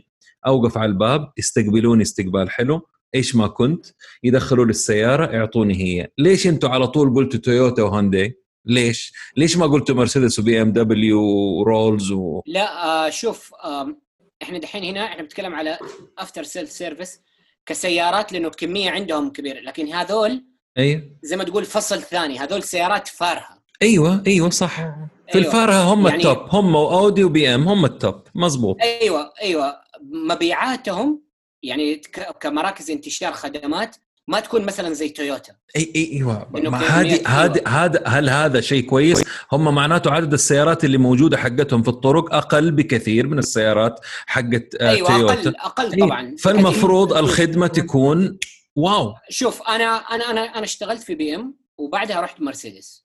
okay؟ الخدمتين طبعا بشوف أنا الخدمات بنفسي وكمان العملاء تمام. مثلا بيمدح وبيشتكي وهذا مرسيدس خدمتها كويسة لكن م. الانتشار عندهم ضعيف جدا. أيوه. يعني يعني أنت الآن تيجي مثلا مركز صيانة عندهم فقط في جدة على مستوى الغربية كلها. أيوه. أنا جاي من المدينة المنورة. أبغى أسوي صيانة أضرب 400 كيلو عشان أسوي صيانة في جدة وأرجع. ما هذا اللي بقوله يا عبد الرحمن أيوة. وما ما هو مسألة أيوة. تقصير هم بي إم دبليو أيوه. مثلا تيجي بي إم دبليو متوسع أكثر بي ام دبليو عامل أيوه. في المدينة أيوة. عامل عامل في القصيم صح صح كلامك صح عامل أيوه عامل في هذا يعني هذا الانتشار أفضل أيوة. أيوة. شوف الانتشار هو جزء من الخدمة هو. هو بينتشر عشان يخدم بالضبط أيوة. فأنا هذه هي المحصلة النهائية ففهد م. يقول إنه كويسين أنت تقول إنه كويسين أنا أقول كمان إنه كويسين طالما الحكاية كذا طيب م. تم إضافة شركة فورد لمجموعة الناغي مؤخرا وهل هذا يعني نجاح الوكيل الحالي وتخلي القديم أم آه أن الوكالة توسعت بزيادة. ماذا تتوقعون؟ آه تم إضافة آه شركة رغم ضعف مبيعاتها. يعني فورد مبيعاتها معروفة سنويا كم وإلى آخره. آه محبوبة نوعا ما في السوق. الناغي دائما آه صفقاته استراتيجية. آه شاف شيء جاي في الأفق زي صفقته مع هونداي. وشوفوا هونداي كيف الآن عاملة. فإيش رأيكم في صفقة فورد هذه؟ إيش حاصل؟ تقدروا تتكلموا ولا ما تقدروا؟ أنا أقدر أتكلم عادي. تفضل. خلي عبد الرحمن يبدأ. تفضل. آه شوف هو طبعا الناغي وكيل فورد في الغربية فقط أيوه عارف. أيوه عارف. أيوة. أوكي؟ أيوة. هذه حركة عامة أنا أطالب فيها من زمان لجميع وكلاء السيارات. أيوه. لأنه تيجي انت إحنا بلد شبه قارة. صح. صح. وكيل واحد في عشان كذا إحنا كثير عندنا وكلاء بيقصروا في الخدمات لأنه يقول لك أنا أكتفي مثلا في جدة أعمل مركز صيانة للغربية كلها. أنا أعمل مركز آه، في الدمام للشرقية كلها. لا لكن لما تتوزع على على, على كم وكيل. هنا الخدمة تمشي أسرع. يعني شوف هيوندي ثلاثة وكلاء عندك. صح. السيارات ما شاء الله ماشية بقوة. يعني ما شاء الله آه أحيانا عبد الرحمن يكون يكون طلب من الشركة الأم كمان على فكرة. بالضبط. م. بالضبط. أيوه هو مو أنا أقول لك الشركة الأم لازم إنها تفكر أنت شايف بلد شبه قارة. أيوة. ما ينفع تعطي وكيل واحد غير إذا هو التزم قال أيوة. أنا أقدر إني أنا أغطي المملكة كلها. وغطى وعمل وسوى. زمان كانت التغطية يا عبد الرحمن إنه اشتري كمية سيارات فقط بدون الاهتمام بالأمور بالضبط. الثانية. ال... أيوة. المفهوم تغير. أيوه أيوه طبعا طبعا. آه أيوة. فهد إيش رأيك أنت؟ طيب بخصوص الفورد آه أوكي هي النا... كويس إنها راحت لوكيل ثاني اللي هو الناغب مع إضافة شركة توكيلات الجزيرة وليس بعيب لكن هو زي ما قلنا الانتشار أفضل. زيادة الوكلاء أحسن للتركيز لخدمة العملاء. والمنافسة. انتشار قطع غيار. المنافسه, المنافسة أكبر. أيه. أيوه. لأنه لما يكون وكيل واحد حتطلع الشكاوي كثيرة. اي عنده عنده احتكار في شكاوي لكن كل واحد حيكون عنده صحيح. برضه أفضل. صحيح. يعني خطوه آه. خطوة كويسة تعتبرها. نعم. لا هي خطوة جيدة. أنا أفضل إنه أحسن إنه أخليها وكيلين أو ثلاثة م. ولا إن أشيل الوكالة من شركة وأعطيها شركة ثانية بالكامل وألغي الشركة أيوه. هذه ما أحبها. لا. فهمت أعطي أكثر من شخص وكل حلو. واحد يشتغل. عادي. حلو حلو حلو. هذا سبب خروج كثير شركات. إيوه لكن أنا أقول هو في سبب ثاني لكن ما نقدر نتكلم فيه طيب. لأنه آه شوية بحث شوي طيب. للموضوع لكن طيب طيب أنا أوكي كويس هذا الشيء أوكي آه هل السيارات الكورية وصلت جودتها لليابانية ولا لا زال أمامها طريق أم تجاوزتها؟ واللي آه طيب هذا هو السؤال طيب أنا حجاوب فيه لو قلنا أخذنا مثال هيونداي طيب مم. هيونداي آه إلين بداية الألفينات كانوا هم ماشيين إنه يكونوا زي جودة اليابانيين. إلين ما جاء مدير الرئيس التنفيذي لهيونداي قال لهم أفصلوا موضوع اليابان أبغاكم تنافسوا المهندسين الألمان فقط أيوه. ونظركم للألمان فقط مم. فعشان كذا شفنا التغير الكبير اللي صار في الكوري من قبل ال 2000 إلين بعد ال 2000 إلى الآن إلى الآن يعني آه، ممكن آه، زي ما أنتم شايفين السيارات الجديدة الكاميرات الشاشات كل هذه الأشياء الياباني إلى الآن يمكن تحصل شركة أو اثنين اللي تحط لك العدادات شاشة. يمكن أقول لك يمكن شركة أو اثنين واحتمال ما نشوفها هنا. لكن كان في بداية في الألماني قبل ثلاثة أو أربع سنوات الآن نشوفها في السيارات الكورية في الأغلب وصارت مو في السيارات الفخمة الفارهة لا حتى في السيارات العادية اللي هي المتوسطة. صارت أيه. موجودة مم. فلا الكوري أتحسن كثير الجودة تحسنت كثير لكن عندنا هنا ناس استخداماتهم للسياره للأسف مش مكافئة لنفس الشيء ذا فبيقولوا لك إن السيارة هذه ما فيها جودة ورغم إن المشكلة مش السيارة هو في السائق نفسه في السائق اي اي إيه. لأنه في آه. كمان نقاط ثانية نحن نقولها ترى السيارات تطورت زيادة عن اللزوم. في ناس يحسبوها زي السيارات الثمانينات والسبعينات والتسعينات. ترى السيارات الجديدة مختلفة تماما. صارت السيارات هذه ذكية جدا. ذكية لدرجة إنه هي تشوف أنت كيف سواقتك تروح تبرمج نفسها على طريقة سواقتك أنت عشان داخل الكمبيوتر الشخصي أي أي أي إيه. وهذه الأشياء ما عرفناها غير لما جربناها. أيه. يعني في السيارات الألمانية شفناها دحين في السيارات الكورية. يقول لك يا أخي السيارة ما تديني الأداء ما ت...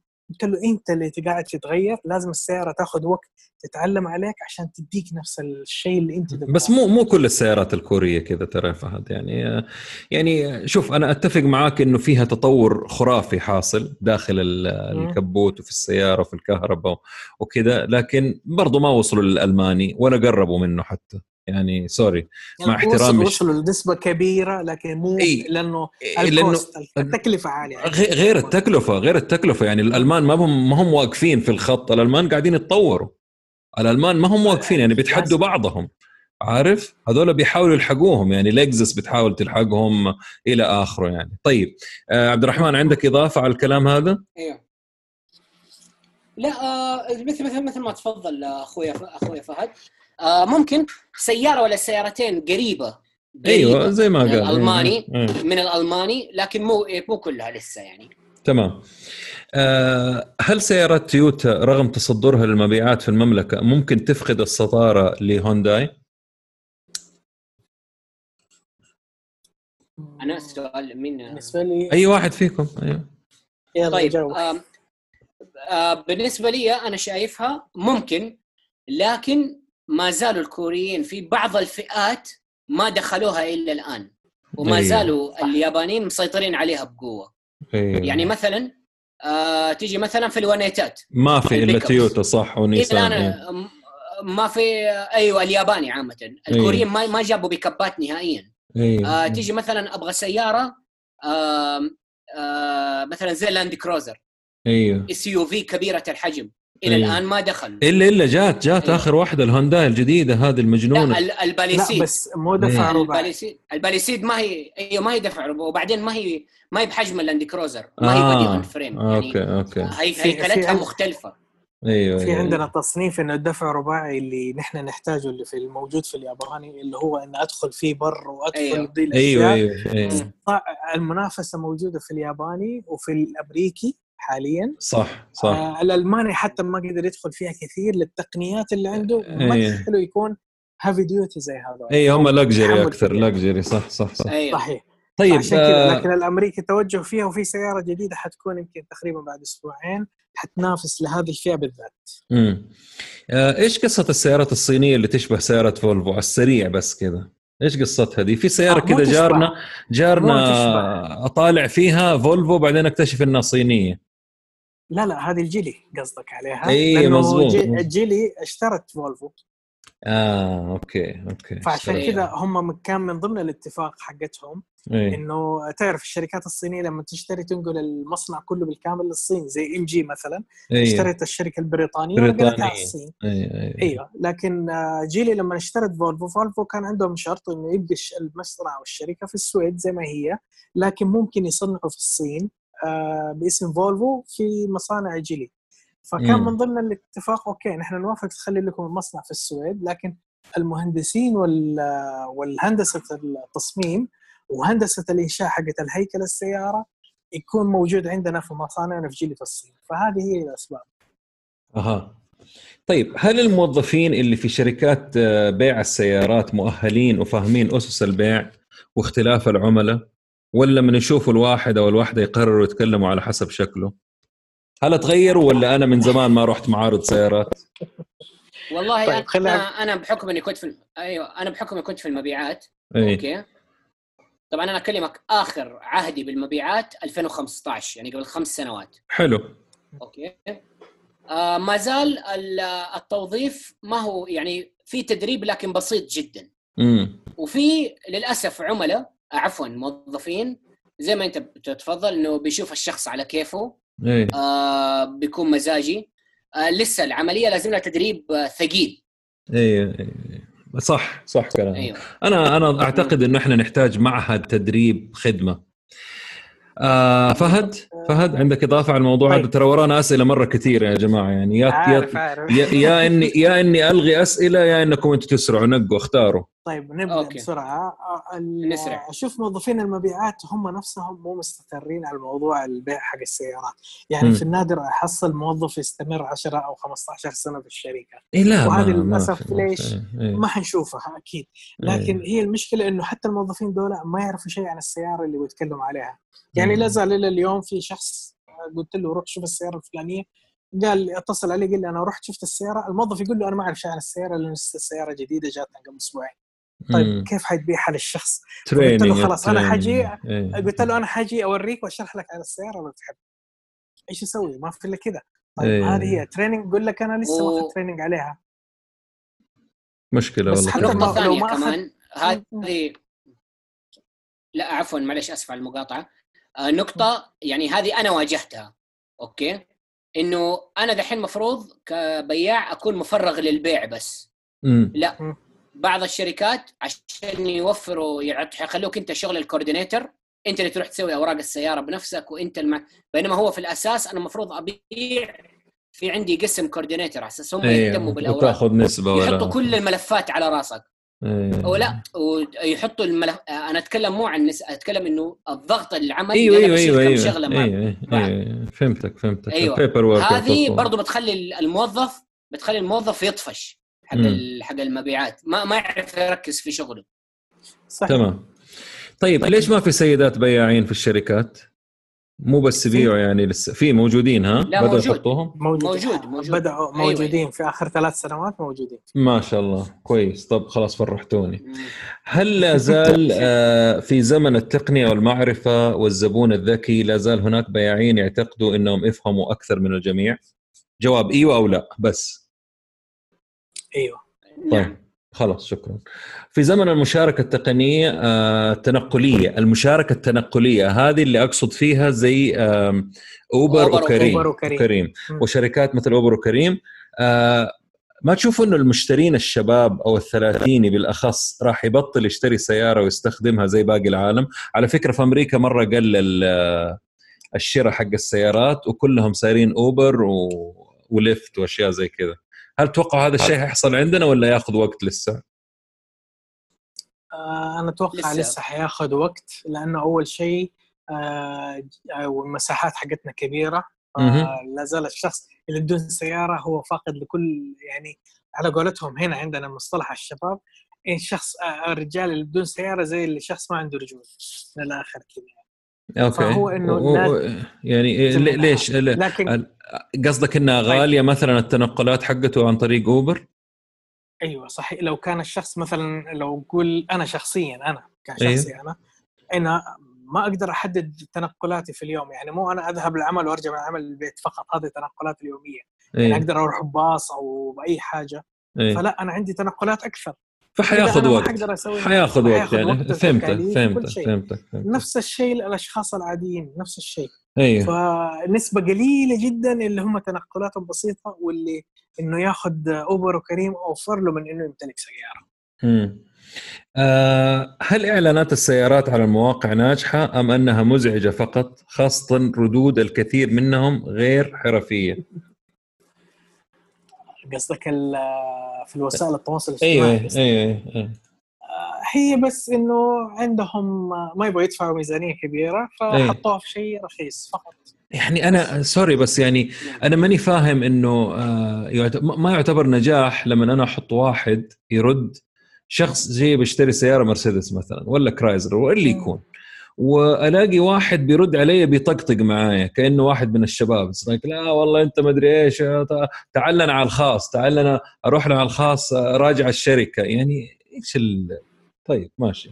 أنتم اديتوني الجواب أكيد. أنتم اديتوني الجواب. طيب هل هناك آه، اللي تقابلوهم من الشباب السعودي اللي قرر يشتغل في مجال السيارات بجميع مجالاته ولا هناك مهن معينة يرفض حتى اليوم يشتغل فيها؟ تبغوني أوضح السؤال أكثر هل في ناس مستعدين أيوه. يشتغلوا في بناشر ومغاسل سيارات ومحطات بنزين؟ ولا كلهم اللي بيشتغلوا في مجال السيارات يبغى يشتغل يا إما في معرض أو خلف مكتب في معرض أو آه، أوبر أو كذا؟ يعني الوظائف الكبيرة هذه أيوه الفئة الثانية أيوه. الفئة الثانية. فقط. تمام. متى راح نغير زيوتنا بأنفسنا ونعبي البنزين بأنفسنا؟ لما يكون عندنا وعي أكثر. ها عبد آه، الرحمن إيش رأيك؟ آه لما يتم تفعيل الخدمات الذاتية هذه نفسها. إيش يعني, يعني خدمات آه، ذاتيه؟ يعني مثلا دحين في أمريكا وحتى الآن عندك مثلا في مثلا أنت طبقوها في أبو ظبي. آه إنه الآن تبى تعبي بنزين أعتقد يا محطه ادنك أو شركة ثانية. إيوه. آه تبغى العامل تدفع آه، رسوم. أيوه حلو؟ يعني يعني أنت هو... تعبي بنفسك ترى أنا ماني عارف إحنا في كل العالم إحنا الوحيدين اللي نعبي بنزين يعني أيوة. الناس يعبونا لأنه أيوه. لأنه لأنه أيوه لا شوف قول قول الزيت الزيت ممكن صعبة شوية انه الواحد يغير زيت عندنا لأنه ما أنت ما زالت العملية تخربط يمكن ما تضبط تزود الزيت تنقص الزيت لكن مثلا أبسط شيء إحنا نتكلم اليوم اللي هو البنزين في كل العالم الناس بتعبي بنفسها. بصراحة حطمتوني عندنا... بأجوبتكم حطمتوني. ما ما أبغى. لا, لا, تكمل عبد الرحمن لا تكمل. ولا أنت كمان لا تكمل. لا, لا تقدر تقنعوني. بس بلا وعي بلا كلام فاضي قسما بالله شايفين نفسنا في عمى ونص. المهم. لا شوف هم لو دخلوا لا. لو دخلوا الخدمات الذاتية أيه. وفرض عليها رسوم زيادة م. الناس حتبدأ تعبي من نفسها. يعني زي أنت مثلا بتروح السوبر ماركت في أمريكا ولا أوروبا أيه. تبغى تاخذ كيس يقول لك رسوم. إيوه أو تجيب كيس معاك أنت. أيوه. أيوه. أو تجيب كيس معاك إيوه إيه طيب آه سيبك من طيب هذا السؤال موضوع الزيوت الموضوع الزيوت في حاجة طيب إذا عندنا لأنه لا زال نحن في عندنا كمية آه، غش ونصب فيها جبار في السعودية إلى الان جاي جاي جاي عندي أسئلة أنا عندي أسئلة طيب السؤال. أوكي. في رأيكم أكثر السيارات العقلانية اليوم اللي تحس إنها فاهمة السوق والوضع الحالي والمشتري؟ هل هي تويوتا وهونداي يعني الكوريين واليابانيين هم اللي فاهمين المشتري؟ فاهمين السوق والوضع الحالي والبنزين والصرف وإلى آخره؟ حلو الهدوء. هم من هم لا هم من الناس القائدين في الموضوع ده لأن السيارات الأوروبية بنزينها غالي فالناس ما تدور كل الناس على الموضوع ده أيوه. فلا زالوا هم في السيف سايد في الموضوع ده لا أيوه. زالوا في الجودة والقطع وإنه تعيش عشر سنوات السيارة هم الأفضل لا زالوا يمكن دحين لو في عندنا لو قلنا في بعض الناس عندنا حيكون في ناس عندهم توجه مختلف شوية في ناس حيروحوا يشتروا السيارات الصينية ليش؟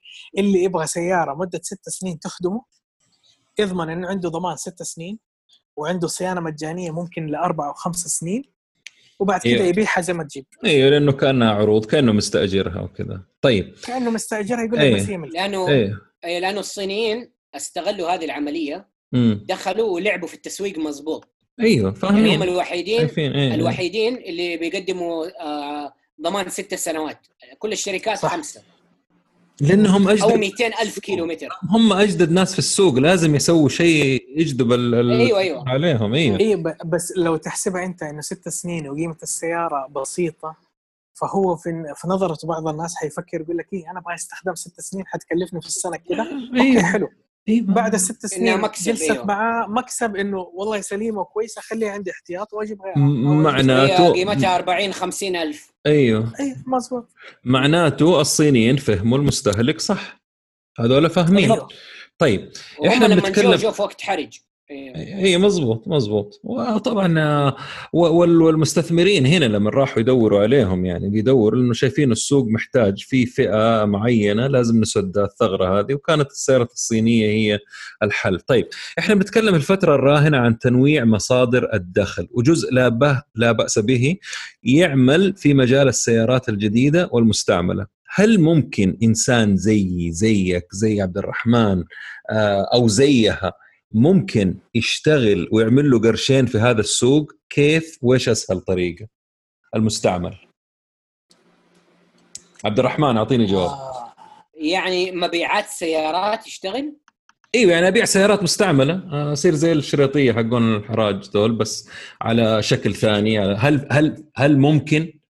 هل ممكن أنا أبيع سيارات مستعملة؟ مثلا فهد كلمني بيدور سيارة أقوم أقول له أنا أعرف وأجيب لك هي وتمكسب لي هنا. آه ممكن ممكن ممكن لكن ما هو ما هو ما هو بال بالنتيجة أو الربح اللي حيكون مطلوب.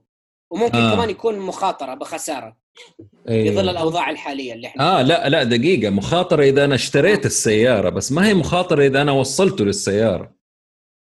لا إذا وصلته أيوه هذه ممكن. أنا أيه. لكن أنا احس بتقول إنه تجارة إنه يتاجر. أيوه لا لا لا لا أنا أتكلم على اللي هو طريقة بيع سريعه يعني ما يمتلك أيوه. السياره طيب. آه برضه فئة ضعيفة أيوه.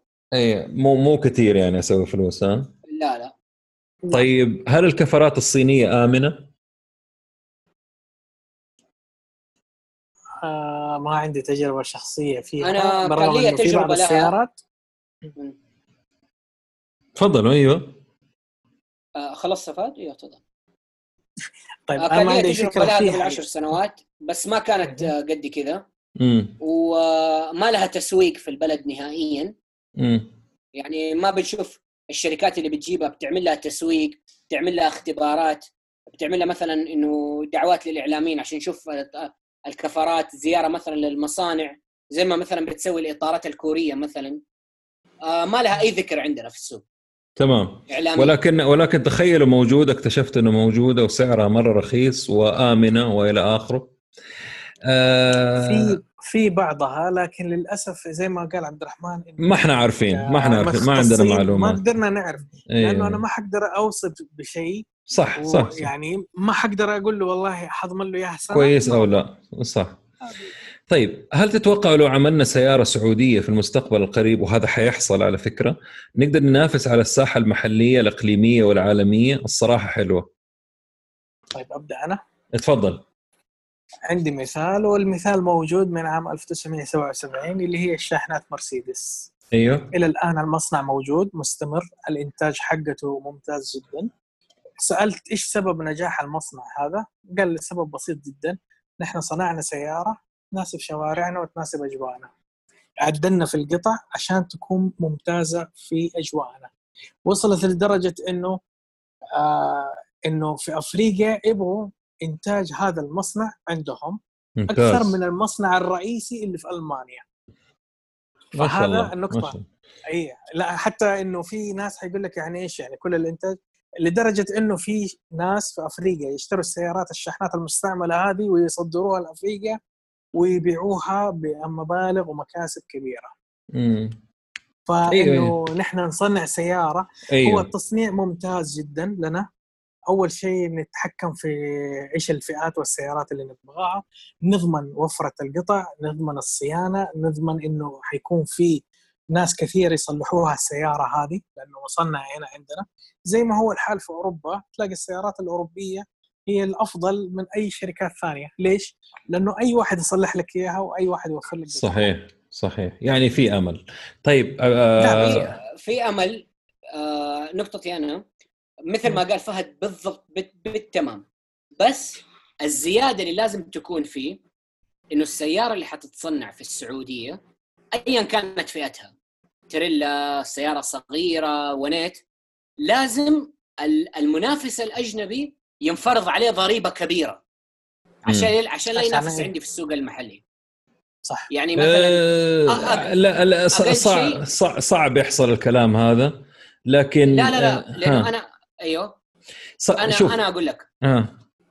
كل الدول الصناعية كيف طلعت؟ إنه المنتج الأجنبي اللي ينافس المحلي عندي لازم أفرض عليه ضريبة كبيرة. يعني أسمح له دخول السوق أيوه. لكن ما ينافس المنتج الوطني عندي. أيوه أيوه, أيوة. أتوقع يعني في آلية أتوقع في آلية حتحصل. يعني مثلا حديك واحدة آه سيارات لادا الروسية من إيه. أفشل السيارات في العالم. طبعا. ما فيها مكيف ولا فيها power steering ما فيها سيارة أصلا. إيه إيه. أيوه سيارة سيارة من الاتحاد السوفيتي. إيه. يعتبر تقنيه سوفيتيه مم. لكن سبب ووفرتها إنه الحكومة الروسية حاطة الموديلات اللي تنافسها حاطة عليها ضريبة عالية. عشان لا تنافس المنتج ال... يعني هذا أصلا يعتبر دعم من الحكومة نفسها للمنتج الوطني. أنا كمنتج وطني لازم الحكومة تحميني. أتمنى تكون تجيب مثال غير لادا يعني بس ما هي مشكلة خلاص حمشي لك أيوه آه، okay. لا هو ممكن إذا تبغى مثال غير كذا في مثال بسيط جدا تايلاند عندك؟ جميع الولايات اللي انت شايفها هنا اللي هي تايلاند الأشياء إيه، كلها إيه. تتصنع في تايلاند إيه. ليش؟ لأنه دولة تايلاند يقول لك أي مصنع تبغى تبيع ونيت لأنه هو السيارة اللي أكثر مبيعا في تايلاند إيه فتقول للمصانع تبغى تبيع ونيت تصنع عندي وتجيب من برا لا ما تدخل عند البلد مم. فهنا فرضوا إن المصانع تجي وبعدين ليش؟ عشان اليد العامله ودي الأشياء وغير كذا ادوهم امتيازات كدولة تعطيهم امتيازات فيها أيه. لكن ليش نحن نتكلم على موضوع المواصفات آه قبل كم شهر زرت مصنع آه، فورد في جنوب أفريقيا الونيتات حقتهم مم. فكنت أيوه. بسأل الشركة الشركة أو المصنع أو مدير المصنع إيش اللي خصصتوه للسيارات اللي تجي السعودية فقال لي نقطة معينة قال لي أنتم السيارات اللي تجيكم في السعودية غيرنا نظام مضخة الوقود حق السيارة قلت له ليش؟ قال لي الرمل اللي عندكم مرة صغير وهذا الرمل يدخل لجوة النظام حقت الوقود حق السيارة فغيرنا النظام الترمبه حقت البنزين عشان نمنع دخول التراب هذا للمحرك فهنا آه. لما قلت كذا قلت أوكي حلو هذا شيء حلو مرة يعني إنه فكروا السوق أيه أيه. وهذه نقطة ثانية لما كثير يقولوا لي يعني كل السيارات اللي تتصنع في أمريكا أقدر أستخدمها هنا في السعودية أقول له لا في اختلاف في المواصفات أكيد أكيد أكيد طيب لكن بعضهم يقول لك ليش فرق السعر؟ تمام آه ليش ما في كلام كثير وتوعية على كاميرات السيارات اللي تسجل 24 ساعة لحفظ حقوق السائق وكم تكلفتها وهل هي موجودة عندنا هنا في السعودية؟ آه إيه آه. موجودة كم قيمتها؟ أنا بالنسبة لي شفت من 300 من 300 إلى 500 600 ريال بتركبها في السيارة عند المراية صح؟ أيوه الداش كام؟ أيوة. الداش كام؟ بس في حاجة اللي موجودة في روسيا أو في بعض الدول هذه مفروضة من شركات التأمين على السائقين. أيوه هنا حتى حيحصل نفس الشيء هنا قريب يعني ولكن أنا بسأل لعامة الناس المفروض السيدات بالذات اللي بيسوقوا الآن يركبوها ضروري جدا. أنا أنا طبعا بنصح فيها السيدات أيه. عندي أخت في سيارتها رك... أنا بنفسي اشتريت لها وركبت لها إياها. أيوه لازم لازم تكون موجودة. وفي بعض الشركات وفي بعض السيارات اللي جات الجديدة عندنا دحين فيها الكاميرا دي موجودة جاهزة مم. فيها أصلا. فما أيه. يحتاج بس غير إنها تركب memory card SD card عشان عشان يسوي النظام وخلاص. بس أيه. فقط. طيب آه السؤال هذا مثل ما أخويا فهد قال فرض إيه. أيوه. اي قول قول كمل. آه لا بقول مثل ما قال اخويا فهد إنه آه عندنا ما ما نعرفها لأنها ما ما انفرضت. أتوقع إنه لازم يعني الإنسان كله حتى إيه قبل ما قبل ما هذا لازم الواحد يكون مركبها مرة ضروري وسعرها مرة أيه. بسيط بصراحة. طيب. آه السؤال لك يا عبد الرحمن. أشوفك دائما تصور سيارات كلاسيك تجنني تجيب لي الجنان في راسي بصراحة. لأن أعشقها كلها يعني. ف هل مسموح أسوق سيارة موديل 80 آه، بلاش 90 يعني 80 84 85 في الشارع أو 75 66 كيف في ناس بتسوقها؟ وهل هو لها تصريح خاص ولا إيش؟ هي طبعا السيارات الكلاسيك يطلع لها آه، رسميا الأوراق حقتها إنها سيارة تراثية. حلو. ممنوع تسوقها. امم إنك بس إنك إيه وثيقة امتلاك. طيب. لكن بعض المعقبين أيوه. لأن أنا سألت فيها الناس اللي عندهم أيوة أيوة السيارات أيوة. أيوة. يقول لك إيوه ممكن تعطيها واحد معقب تدفع له يضبط لك إياها في المرور. راحوا المعقبين في داهية. اي لا أصلا أيوه. أصلا في إنستغرام عندي متابع كم حساب آه آه أيوه. كويتي وسعودي يجيبوا سيارات من أمريكا قديمة يقول لك إحنا نضبط لك السيارة وتسوقها ومدري إيش وكلمتهم. بالضبط أيوه. تواصلت معاهم قال لي إحنا نضبط لك هي. طيب. آه اللي تشتري سيارة فارهة مو المفروض تسأل عن الصيانة الدورية وتكلفتها ولا ما يهمها. يعني في عندكم فكرة عن الصيانة عند الشركات الكبيرة مثلا عن مرسيدس ولا أيوه ولا... طيب أنا أديك أنا أديك حل حلو جدا.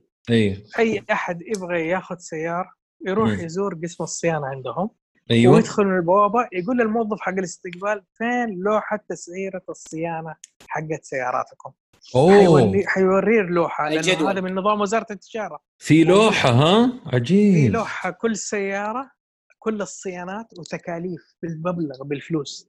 تدخل بنتلي حتلاقيها موجودة تدخل مرسيدس موجودة بي إم تويوتا هيونداي أي حلو. شركة يعني يعني يعني وضحت الأمور ممتاز. والله جدول أيوه جدول الصيانة الدورية؟ مرة ممتاز.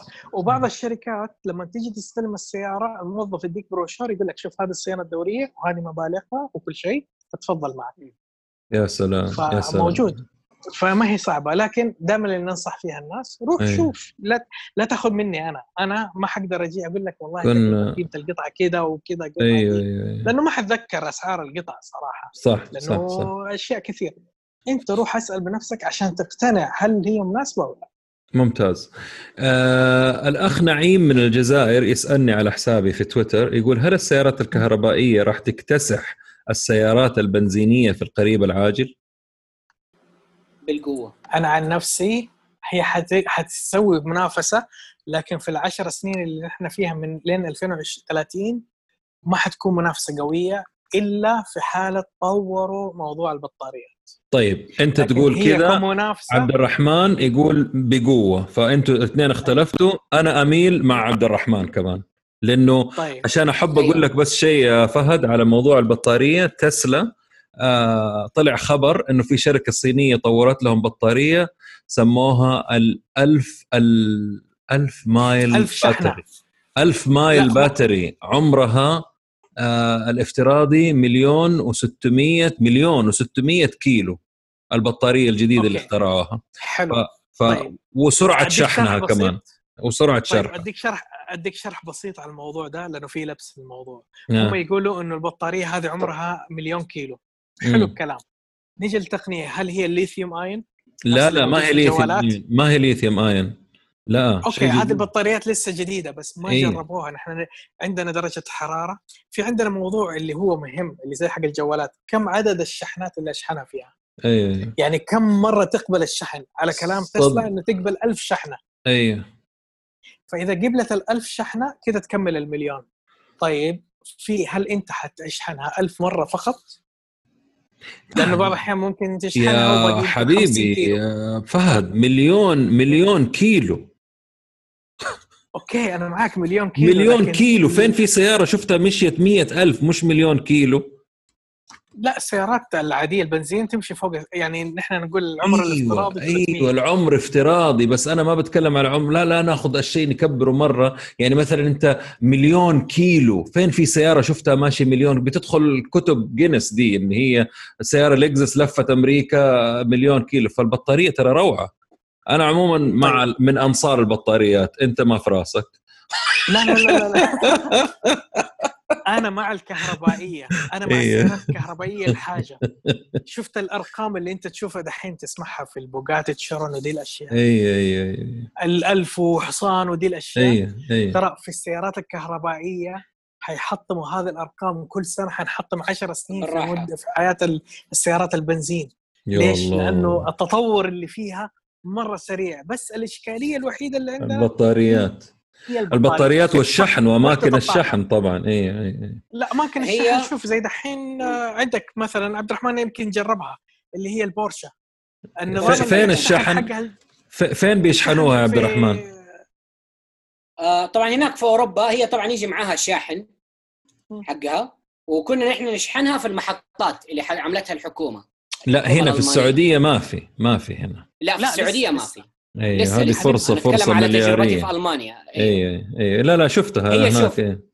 هي شوف السيارات الكهربائية في البداية حاليا م. okay في تخبطات إنه مثلا م. البطارية تسيح آه الشاحن آه تشحن 160 كيلو تمشي ما تكمل 200 هذه تخبطات بس في البداية. لكن هي جاية مكتسحة لأنه الدول الكبيرة أنت عندك هي بتضغط على الشركات صحيح. يخلصوا موضوع الكهرباء ذا بسرعة. صحيح. لأنه هي المسألة مو بس هي المسألة ما هي ما هي مسألة آه إنه مثلا عشان عشان البيئة وما البيئة. لا في كمان أسباب مثلا زي السياسية إنه إنه الدول ما تبغى تكون مرهونة لدول النفط إنه خلاص ما عاد نبغى نستورد نفط. نبغى نعتمد على طاقتنا بنفسنا. أيوه أيوه فالحكومات بتضغط على الشركات إيوه. طيب. أه الهجينة إيش يا عبد الرحمن؟ الهجينة اللي هي الاثنين مع بعض؟ الهجينة الهجينة كهرباء وبنزين مع بعض. هي الهجينة هي اللي أنا أنصح فيها حاليا اللي هي في الوسط بين الكهرباء والبنزين. اللي هي الكامري والكورولا اللي تبي تشتروها صح؟ أيوه في دحين تويوتا سي إتش آر أيوه بالضبط أيوه. يعني هذه رخصت كمان قيمتها صح؟ أتذكر كانت مرة غالية لما نزلت. والله إلى الآن ما زالت شوية غالية. مم. يعني بالنسبة لسعرها لكن هي مستقبلا إذا كثرت حترخص. والشيء الثاني اللي لازم ننساه يعني ما ننساه إنه الهجينة بتوفر لي بنزين على المدى البعيد. يعني بالضبط يعني مثلا ضروري. زي الكورولا اي آه الكورولا قيمتها اللي بالهجينة 91000 حلو. في ناس آه يعني يقول لك يا أخي كورولا يعني ب 91000 جدا كثير فيها. طيب. بس هي عشان التقنية فيها غالية. أيوه أيوه. وتوفر بنزين مرة شيء كبير ها؟ يعني تقريبا أيوه. فوق ال 20 كيلو في اللتر الواحد. okay okay. مشيك آه. أكثر من ده وفي عندنا كمان الهيدروجين بس هذا لسه يبغى له وقت عليه. لكن م. خيار أفضل من الكهرباء. أيوه. وهذا النقطة اللي إيه. كويس فيها. طيب هذا سؤال. هي برضه كهرباء بس ما فيها بطارية زي ذيك. عشان كذا. آه. خلايا أيوه. إيه. هذا جاوبته آه، ليش السيارات الجديدة عليها مشاكل كثير؟ والمشتري حق المشتري بيضيع ولا الجهات؟ و... آه، هل في مماطلة؟ ليش في زيادة شكاوي في الفترة الأخيرة هذه؟ آه، فهد ممكن تجاوب؟ طيب هو م... بالنسبة للمماطلة في بعض الأشخاص ما عارف إيش الشكوى. يعني م. يروح لل... في أخطاء كثيرة. في إيه. من جهة الشخص وفي من جهة الشركة. لكن دائما نقول أنت اخذت سيارة في عندك ضمان ثلاث سنوات من المصنع وزارة التجارة تدعمك فيها 100% حتوقف معك وتاخذ حقك وكل شيء فحقك مو ضايع هذا أساسي والحمد لله هذا الشيء شفناه. آه لكن في أشياء بعض الأحيان نقول مبالغ شوية. يعني آه طب أتأكد من الشركة الشركة بعض الأحيان الموظفين من كثر العدد فما بيعطوا اهتمامهم لأي شخص أو عميل. فبيحاول زي ما يقول بالعامية ينفض للشخص عشان يمشي. مم. وهذه أخطاء هذه أخطاء ما حنقدر ننكرها وموجودة وشفناها. السيارات الجديدة التقنية اللي فيها جديدة. فبعض الأحيان هذه التقنية آه يصير فيها اعطال يصير فيها سوء فهم آه عدم معرفة كيف تصليحها بشكل صحيح. لكن لو من يكون في عندنا في الصيانة شخص فاهم للموضوع يعرف يسوي الشيء الصح ويقدر يجاوب عليه بشكل صحيح العميل حيقدر يحل الموضوع. رغم إنه في بعض الشركات للأسف بيعطوا إجابات لبعض العملاء أنا نفسي أقول له هذا نصاب. أيوه أقول له أقول له هذا مدير الصيانة نصاب. لأنه عن جد في إجابات ما هي منطقية. أنا ما ما أصدقها لو كنت شخص طيب إيش الجهة اللي كلموها فهد؟ إيش الجهة؟ إيش الحل؟ وزارة التجارة هي الجهة الوحيدة المخولة إنها تاخذ حقك ب 100% بس يتعلم كيف يشتكي صح؟ مو يزعجهم. يتعلم لا مو يزعجهم يشوف إيش الإجراءات ويتبعها. ممتاز ممتاز. آه عبد الرحمن عندك إضافة على الموضوع ده؟ آه والله شوف السيارات اللي بتيجي فيها مشاكل ترى مو كثيرة. مم. بس تكون أشياء بسيطة لكن في مثلا سيارات جات فيها مشاكل كبيرة. أيوه انسحبت يعني هذه آه تنسحب. آه أيوه لا وفي بعضها ما انحلت مشكلتها للآن لها كم شهر. مم. يعني مثلا آه قبل أسبوع طلعت مشكلة آه واحد اشترى كيا كي 5 الجديده. وعنده مشكلة رجة في هذا. المهم آه قالوا الكيا فيها طلع الرجال وداها. طلع برمجة بس انعملت لها والسيارة مشيت كويس ما في أي مشكلة. إيه بس هو هذه هي. الصيت. لكن إيه المشكلة في ناس يبغوا وتكون سيارة واحدة. عشان يسووا لهم. اي أيوه. مو مو دفعة. آه طيب. هل معقول في غش إلى اليوم في الزيوت؟ وكيف أتأكد إنه الزيت آه صحيح ولا لا؟ فهد؟ طيب آه، أديك حاجة لأنه هذا النقاش اللي كان فيه يمكن لي أكثر من عشر سنين مع مصانع الزيوت هنا في السعودية وأكثر من مصنع أتكلم فيه. الغش اللي يصير عندنا للأسف مو من المراكز الرسمية حقت شركات الزيوت. يصير الغش من المحلات اللي منتشرة في في المملكة اللي هي البناشر بالأصح. البناشر. أيه. طيب كيف الغش يصير؟ آه. يعني نحن ما نقول إنه جيب المنتج ولصق عليه اسم brand قريب من ال brand أو العلامة التجارية المشهورة وبيعها للناس على إنه هو ده الأصلي وهو مو أصلي. وصل الغش عندنا إنه أنت دحين تروح وتغير زيت من شركة أصلي، أوكي؟ هذا راعي البنشر يبيع العلب الفاضيه هذه لدول الناس فيروحوا يعبوها أي زيوت ويقفلوها ويغطوها ويقفلوها ويبيعوها على البناشر دولة بسعر وهو يبيع لك إياه على إنه هو المنتج الأصلي حق المصنع الفلاني. طيب حنقول لي هذا المكان في كل السعودية؟ لا في المدن الرئيسية مو موجود المكان الغش هذا. هذا يصير برا في في الخطوط السريعة القرى إيه، المدن إيه،, إيه الكبيرة يصير هذا الغش هذا غش. الغش الثاني اللي أنا شفته شخصيا آه وشفته تقريبا قبل خمسة شهور. شفت علامة زيت مختلفة. شركة أول مرة أسمع فيها. لا هي معروفة في العالم ولا هي شيء. قلت له إيش هذا الزيت؟ قال لي هذا زيت ألماني.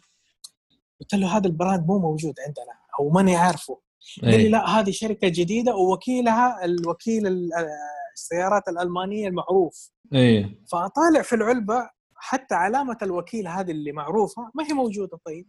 مم. كيف أنت قلت لي إنه هذا حقة الوكيل ده؟ قال لي والله على حسب الموزع اللي جاب لي إياه قلت له الموزع اللي جاب لك إياها هل أعطاك فاتورة باسم الوكيل؟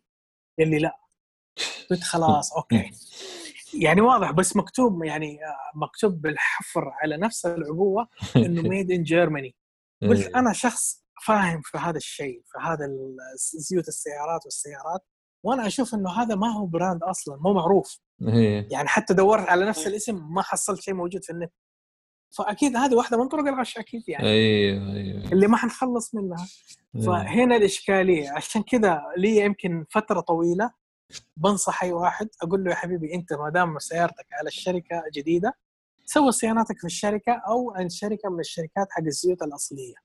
عشان تأخذ منها فاتورة لو صار أي شيء في السيارة أنت تقدم مزبوط. وزارة التجارة انه عندك فاتورة إنك سويتها في مركز أصلي كذا تضمن حقك وما طلعت برا الضمان. حلو. خلصت من الشركة والضمان وانتهى وخلاص تبغى تسوي أنت. ما تبغى تدفع تكاليف عند حقون محلات الزيوت الكبيرة دي ودي الأشياء؟ روح يا أخي محلات الجملة حق الزيوت اشتري كرتون واشتري فلاتر حق الزيت السيارة فلتر الزيت حق السيارة قول البنشر غير إيه. وروح أنت غير خليه يغير وقف قدام وشوف اللي يعبيه بنفسه من القوارير حقك والقطع. حلو. حلو. كذا أنا أضمن لك إنه سيارتك حتجلس زي ما هي ل سنين وأكثر ممتاز. آه عبد الرحمن تبي تضيف شيء؟ لا لا نفس كلامه بالضبط. هو طبعا الغشش كله من البناشر لكن المراكز الرسمية طبعا أنا برضو مستحيل. أنصح إيه. اللي يخلص المراكز يعني يخلص ضمان سيارته يروح للمراكز الرسمية غير الوكيل. ممتاز. هو أصلا يعني كمان لأنه توجه الدولة دحين مو محطات البنزين حتبدأ الشركات تمسكها. أيوه أيوه فكمان صحيح. البناشر حينقشعوا معاهم حينشالوا كمان. صح صح. طيب آه خلاص قربنا نخلص آخر سؤالين. أكثر أسئلة تجيكم من السيدات عبد الرحمن؟ آه دائما يسألوني على السيارات دائما يسألوا أغلبهم يبغوا شكل ومواصفات تمام. آه فهد؟ هل السيارة هذه كويسة أو لا؟ سؤال عام يعني. أوكي.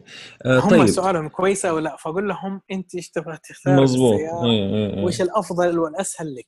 هذا طيب يعني. طيب هذا سؤال مرتبط بال... بالسؤال هذا آخر سؤال لنا.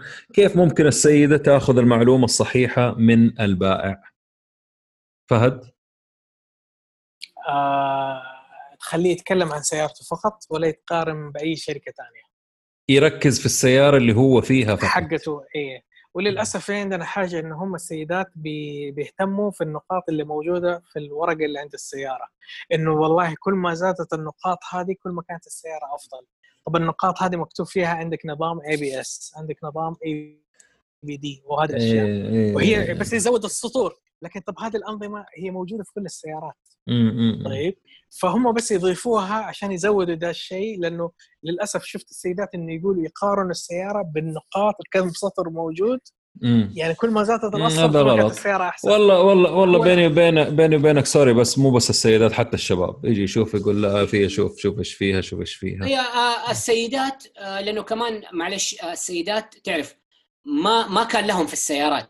أيوه طبعا الآن طبعا. لهم كم سنة أيوه. طبعا. فحيحتاجوا وقت لين يبدوا يتعودوا. أيوه, أيوة هذا شيء طبيعي يعني. مم. طيب آه أنا أول شيء أخرتكم وطولت. لا بالعكس استمتعنا والله. وآسف على الأسئلة الطويلة. والله إنه يعني آه، حاولت إني أخفضها ولكن أحب في البودكاست آه، أمص دم الضيف. وأنتم ضيوف اثنين؟ فأكيد يعني كان عندي وقت كثير معاكم وشكرا لكم. تخمت إيوه. إيوه فانتم إيش عندكم تبغوا تسألوني سؤال قبل ما نقول مع السلامة؟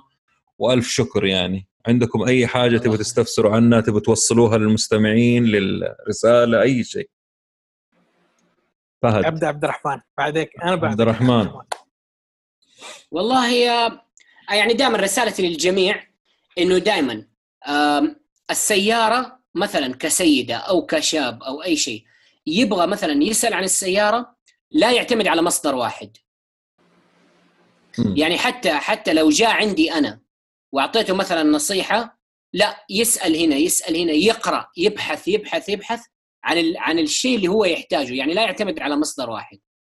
ممتاز ممتاز. تمام. أضيف أنا إنه هذه السيارة هو استثمار شخصي منك وانت دافع فيه فلوس. حاول تاخذ بفلوسك شيء يستاهله ويعجبك. لا تمشي على نصائح الناس اختار الشيء اللي يعجبك اللي الشيء اللي يسوى بالفلوس اللي تاخذها. اللي يريح بالك في الأخير هي سيارة عشان تريحك مو عشان تجيب لك الهم زي ما نقول. وبس واختصار يمكن هذا يمكن النقطة المهمة اللي عندي. طيب ألف ألف شكر لكم الاثنين. آه عاجز عن الشكر الحقيقة لوقتكم ومعلوماتكم و... وأكيد حطفشكم في تويتر أسئلتي أنا تعرفوني دائما اجيكم في الخاص. و... و... وعبد الرحمن حكلمك قريب على سيارة كذا كلاسيك بدور عليها فأكيد حتفيدني. ابشر إن شاء الله. آه، لينكولن لينكولن لينكولن. لا لا غيرت يا حبيبي. لا تفضحني. يلا شباب شكرا لوقتكم تصبحوا على خير ومع السلامة. مع السلامة. يا أهلا وسهلا.